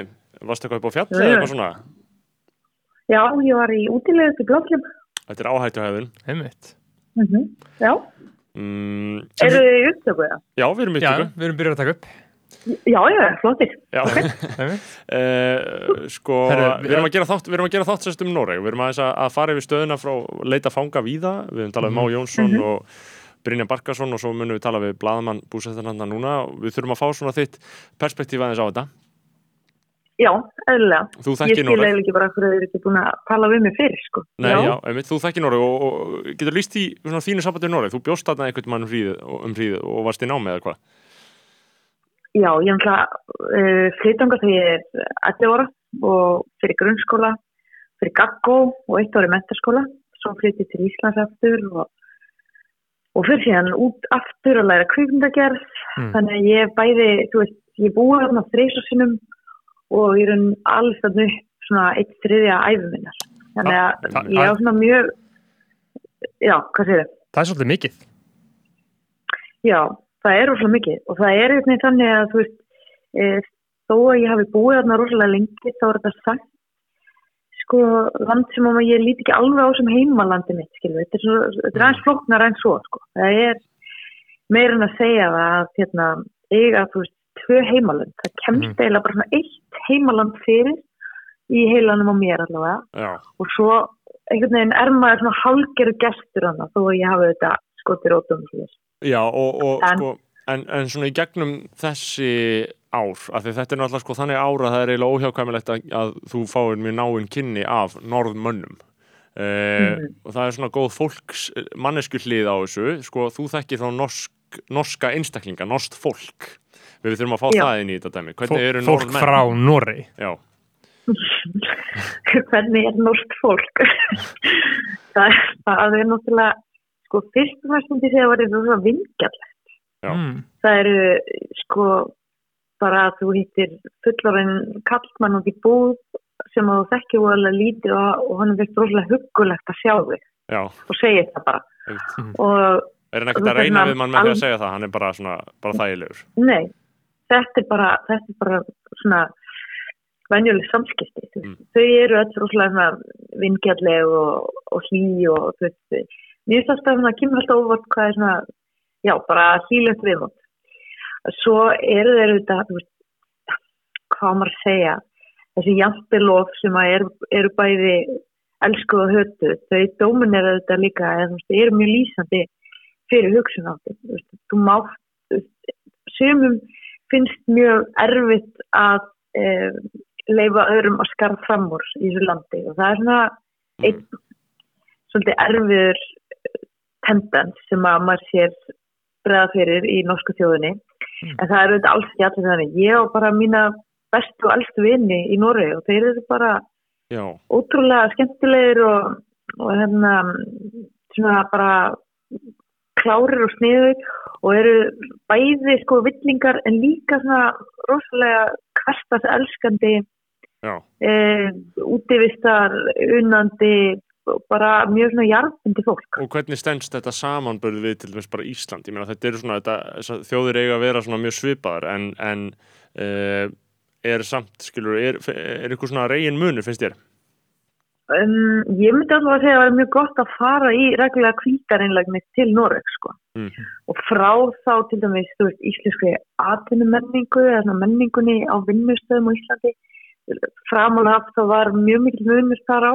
Þú veist það sem að Íslandingar unnu langa vinnuta gerðu kröfur um einhvern ægilegan frama og, og svona fórtfísi í vinnu á meðan normin eru miklu svona hófstiltar í þessu og oft álitnir kannski alltaf því latir eða kannski meira metnaðlausir eitthvað leys í, í svona hversteginum í, í vinnusamhengi. Einmitt. Þú veist, fara heim klukka þrjú og Íslandingar gera grína því og, og hérna, Já, taka sér alltaf frí og, svara ekki tölvupústum á kvöldin og svona. já, mér, Og ég myndi gera framhald grína okkar- svona hefðun, sko. Ég er svo... Já, já, ég, ég veit að þú myndi gera Mm. Já, þú er svona company man sem þú veist, myndir, myndir skilja það að það væri opaslega mikilvægt að vera þú veist, á staðnum og það en svo alveg finnst mér vera skemmtilegt að, að gera ekki og þú veist, sína vinnustæðanum að hérna, ég er bara mannskja, ég er hægt að vinna eftir klukkan eitthvað x og þá bara svara ég þér á morgun Mhm. Normenn kunna þetta. Mm. Akkurat, Já. það er mjög gott að fá svona fólksperspektífi en síðan Já. hefur þú náttúrulega líka sömulegis fylgst með, með umræðunni í Noregi óhjákamilega bara í gegnum árunni eða ekki og svona fjölmela Ég, ég lesa þetta norska, norska fréttis, já, já, ég, svona það sem ég veit áhugavert, sko. Og hvernig er svona, ég meina, hvernig er pólitísk orðræða? Er fólk svona, þú veist, er það, Nóra er náttúrulega rosalega ríkt land eða ekki, þú veist, er fólk uh, hægri sinnað, þú veist, er, er, er þetta vinstri sinna, hvernig, hvernig er sústemming? Mm. Sko, hérna, ég held að Oslo hafa alltaf verið líkt við eitthvað svona kommunista paradís, en hún er mjög langt frá því að vera það, svona sem mínum, minni upplifun. Mm. Ég er náttúrulega elst upp í, í sveitafélagi sem er ríkast sveitafélagi í Noreg, Mhm. í þar einhvern veginn svona svolítið út í jæðrinum, út í skógi, en var eftir á móti í gaggó með krökkum sem að, þú veist, ólst uppi það bara eiga sundlugar og, og bíla í bílskutnum á þess að vera komin með aldur til að keira og, og bara syndu í peningum, ólst upp í einhverjum höllum og, og voru, þú veist, bara lifðu á einhverjum svona lifistandard sem ég hef ekki séð á Íslandi. Akkurat. Þannig að það er rosalega kontrast og hérna, og þetta, þetta sveitafélag barum eins og það heitir, uh, það er sko mjög hægri sinna og fólki náttúrulega mjög umhuga um að ekki borga á mikið erðaskatt og fjármagstekjuskatt og hvað það sem hann heitir og, og þar eru, veist, þar eru öll flóra, sko, en hérna, pólit, að því að það spyrum pólitíkina, þá held ég að sko verkamannaflokkurinn norski hefur, dóminera stjórnmálinn í bara mjög langan tíma. Og þar á ég einn af mínum uppátt stjórnmálumannum Jens Stoltenberg sem er núna uh, yfir NATO. Mm. og hann, mér varst hann alltaf ótrúlega flottur og vera með svona rosalega flotta stjórnmálalega sín eða nálgun, hann til dæmis og mjög hlindur og, og margir normenn svona, mjög hlindur því að, tala við alla, skiljum mig.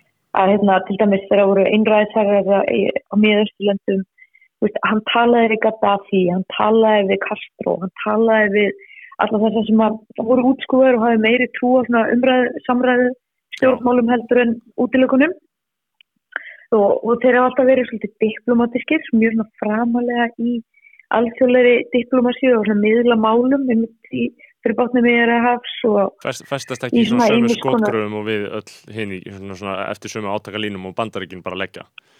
Ná Nei, en það hefur en það er nefnilega breytt. Já. og eftir að sko verkamannaflokkurinn hefur raun bara verið að molna á undanfjöldum árum og arftaki hans, hann hérna Jónas Garstöri, hann er einhvern veginn næri yngu flugi með flokkin og flokkurinn er bara að brabbast niður. Og það sem það er að koma í staðinn er alveg skelfilegt að mínum að því það er rosalega populist alda. Og hérna Ok, í ríkistjórn hefur verið flokkur sem heitir framfara flokkurinn sem er alveg bara síðasta sorsta mínum að þetta er bara skoðan sískinni Trumps og, og kannski Sigmundur Davids og, og verður sko rosalega aggressífir í inflytendapolítikinni. Já, bre, bre, þeir fá Brevik, Brevik elskaði þá eða ekki.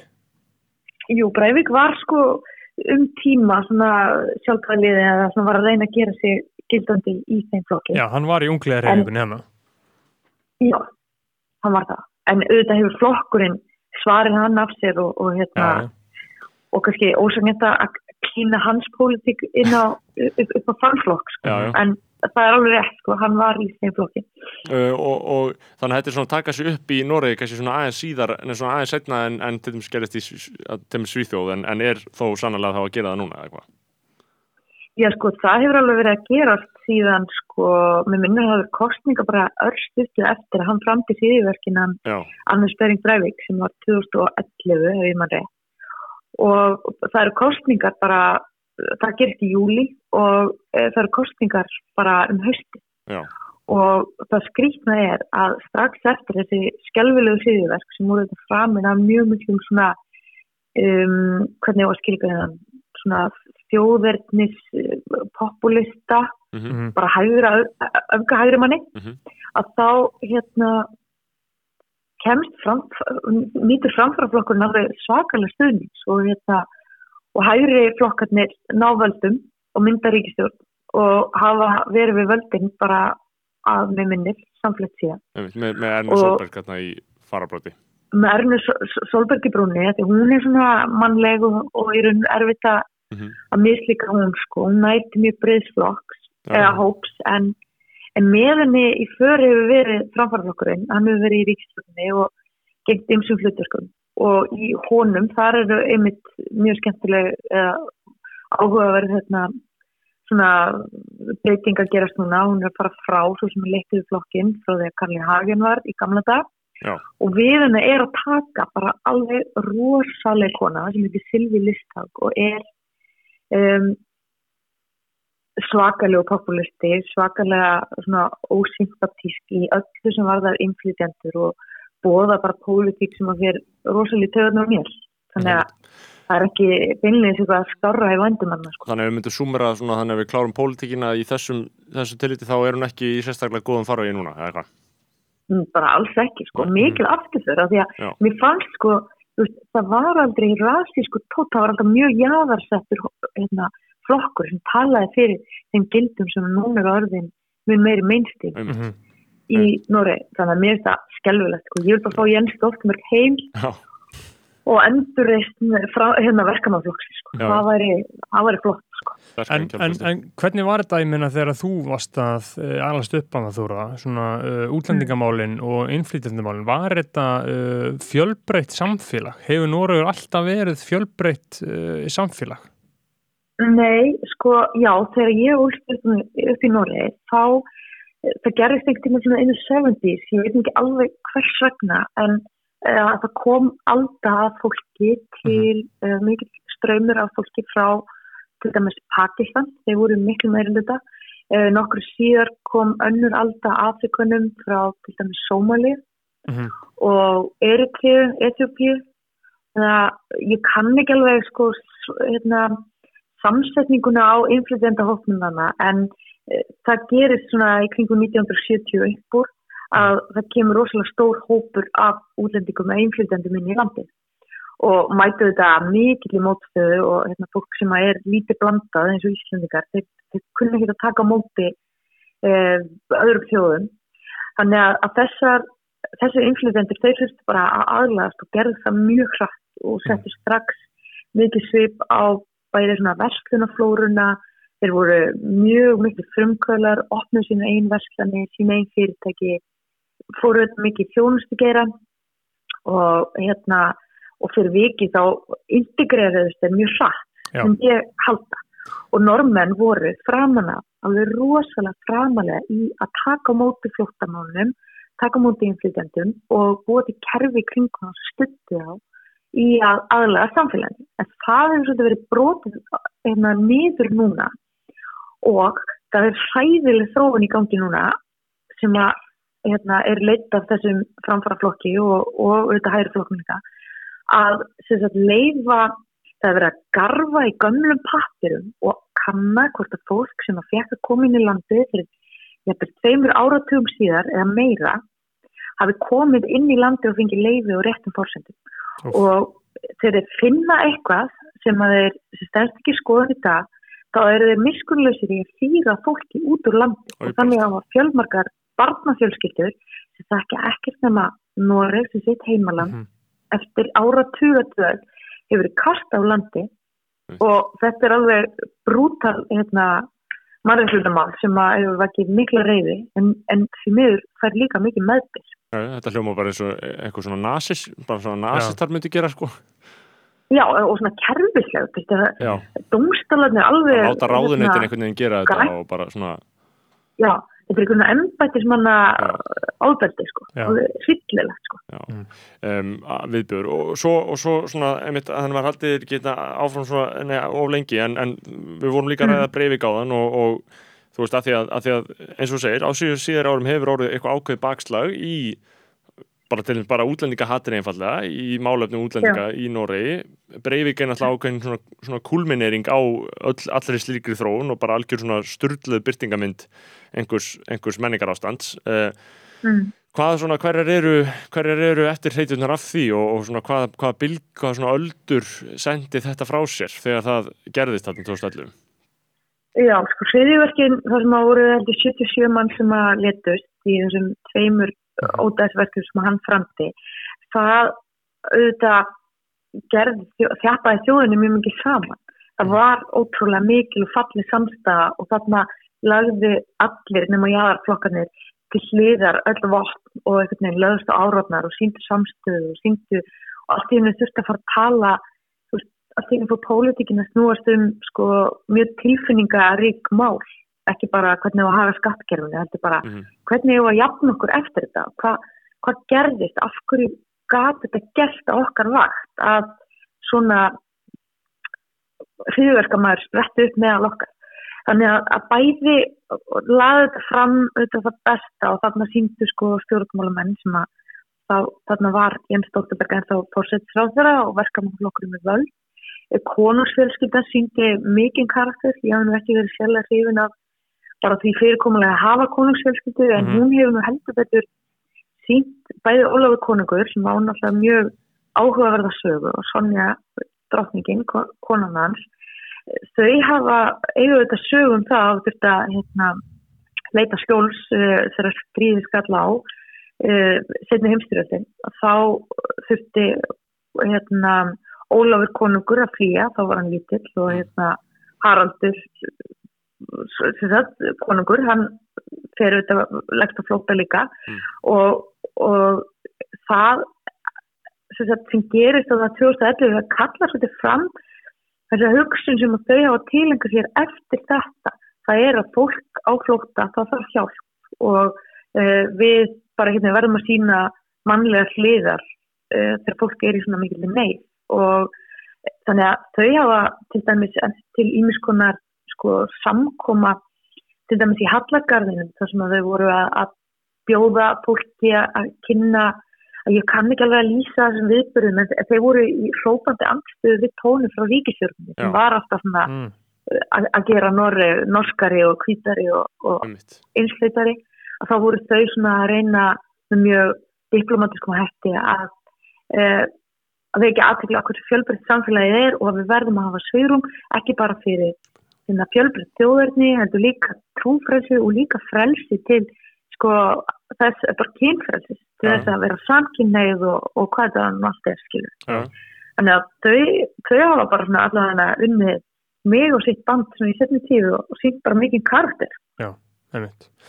Algjörlega. Um, svona en norst menningarefni, sjónvarp, kvikmyndir, uh, hvað, þetta er alltaf 5 miljónir mann sem að búa þarna, eitthvað svo leiðis. Er mikið, uh, er þetta úrvalsefni? Íslandinga þekkja náttúrulega skam og exit uh, og allt, Mhm. allt það. Ég meina hvernig stemmi gera það? Þú lærið náttúrulega kvikmyndagerð í Noregi, það ekki? Jú, ég gerði það. Ég kom heim 2004 og þá voru normið mjög mikil eftirbóðar bæði Svíja og Dana. Þeir fóru á stað með þú veist, dogmabilgjuna og hafa verið mjög svona dominerandi evrósku kvikmyndagerð, Mhm. bæði fyrir normenn, nei, fyrir danir og sér. Já. Normenn náðu því flugi ekki alveg fyrir en mun segna.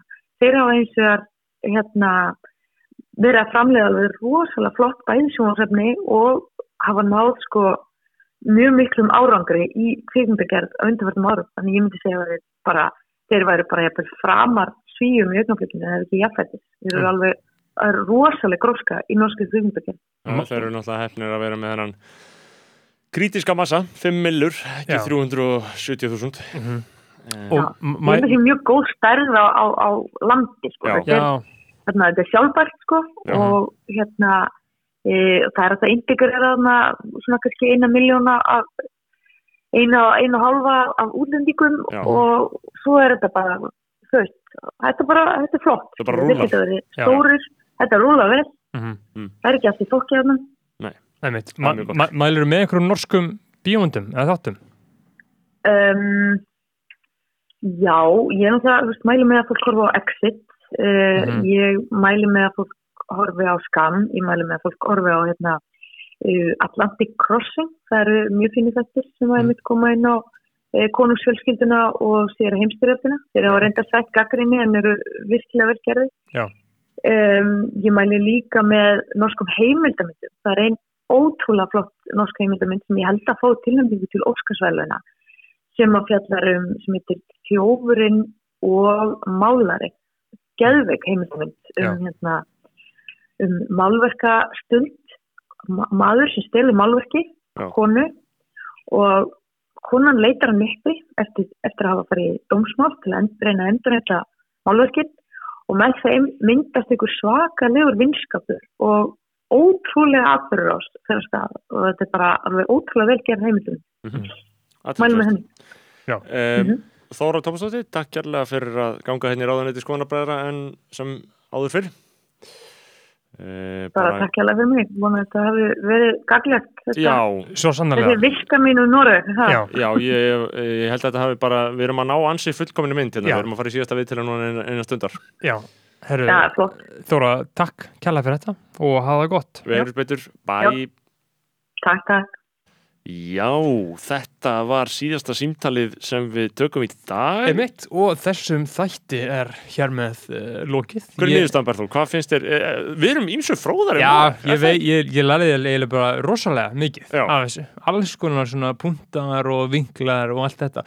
Og líka það sem að fær mann svolítið til að hugsa, sko. Uh, Ég meina, þú veist, hvað skilgrinni þjóð, skilur af hverju þekkir eitthvað land, fattur Það er væntalega bara út af menningunni sem hefur komið að hann, skilur maður þekkir ekkert Noreg út af olíunni eða Nei. fiskinum eða hvað sem er, maður þekkir Noreg út af uh, Hamsun og Ibsen og, Og Skam og- og, Skam og Exit og Unge Ferrari og Arif og öllum þessum skilur.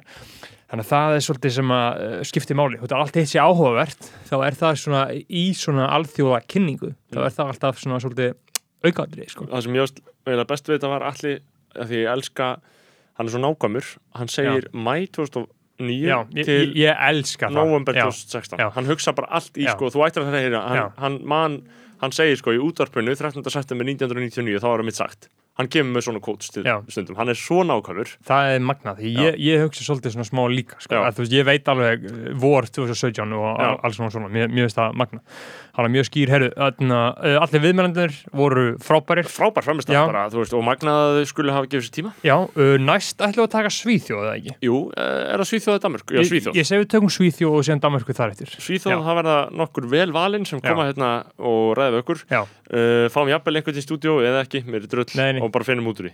Þetta var bara góð gæði, ég er bara mjög sáttið með þetta. Já, uh, Um, ég held að við hefum endið þetta á norsku rapplægi. Uh, hann hefur komið yngar nokkur sinnum held ég, unge Ferrari, tvisvar eða þrisvar. Mhm. og þarna, spila á einhverjum mennskólaböllum og, og þetta lag heitir Lianer kom út árið 2015 unge Ferrari er reyndar náttúrulega búin að breyta um nafn, hann heitir Stíg Brenner núna, er eitthvað rýbranda sig þar. Og þetta er náttúrulega bara classic prigslag þetta var vinsalt á sínum tíma. Uh, takk fyrir að hlusta, segið við um eitthvað frá þessu. Komið var Patreon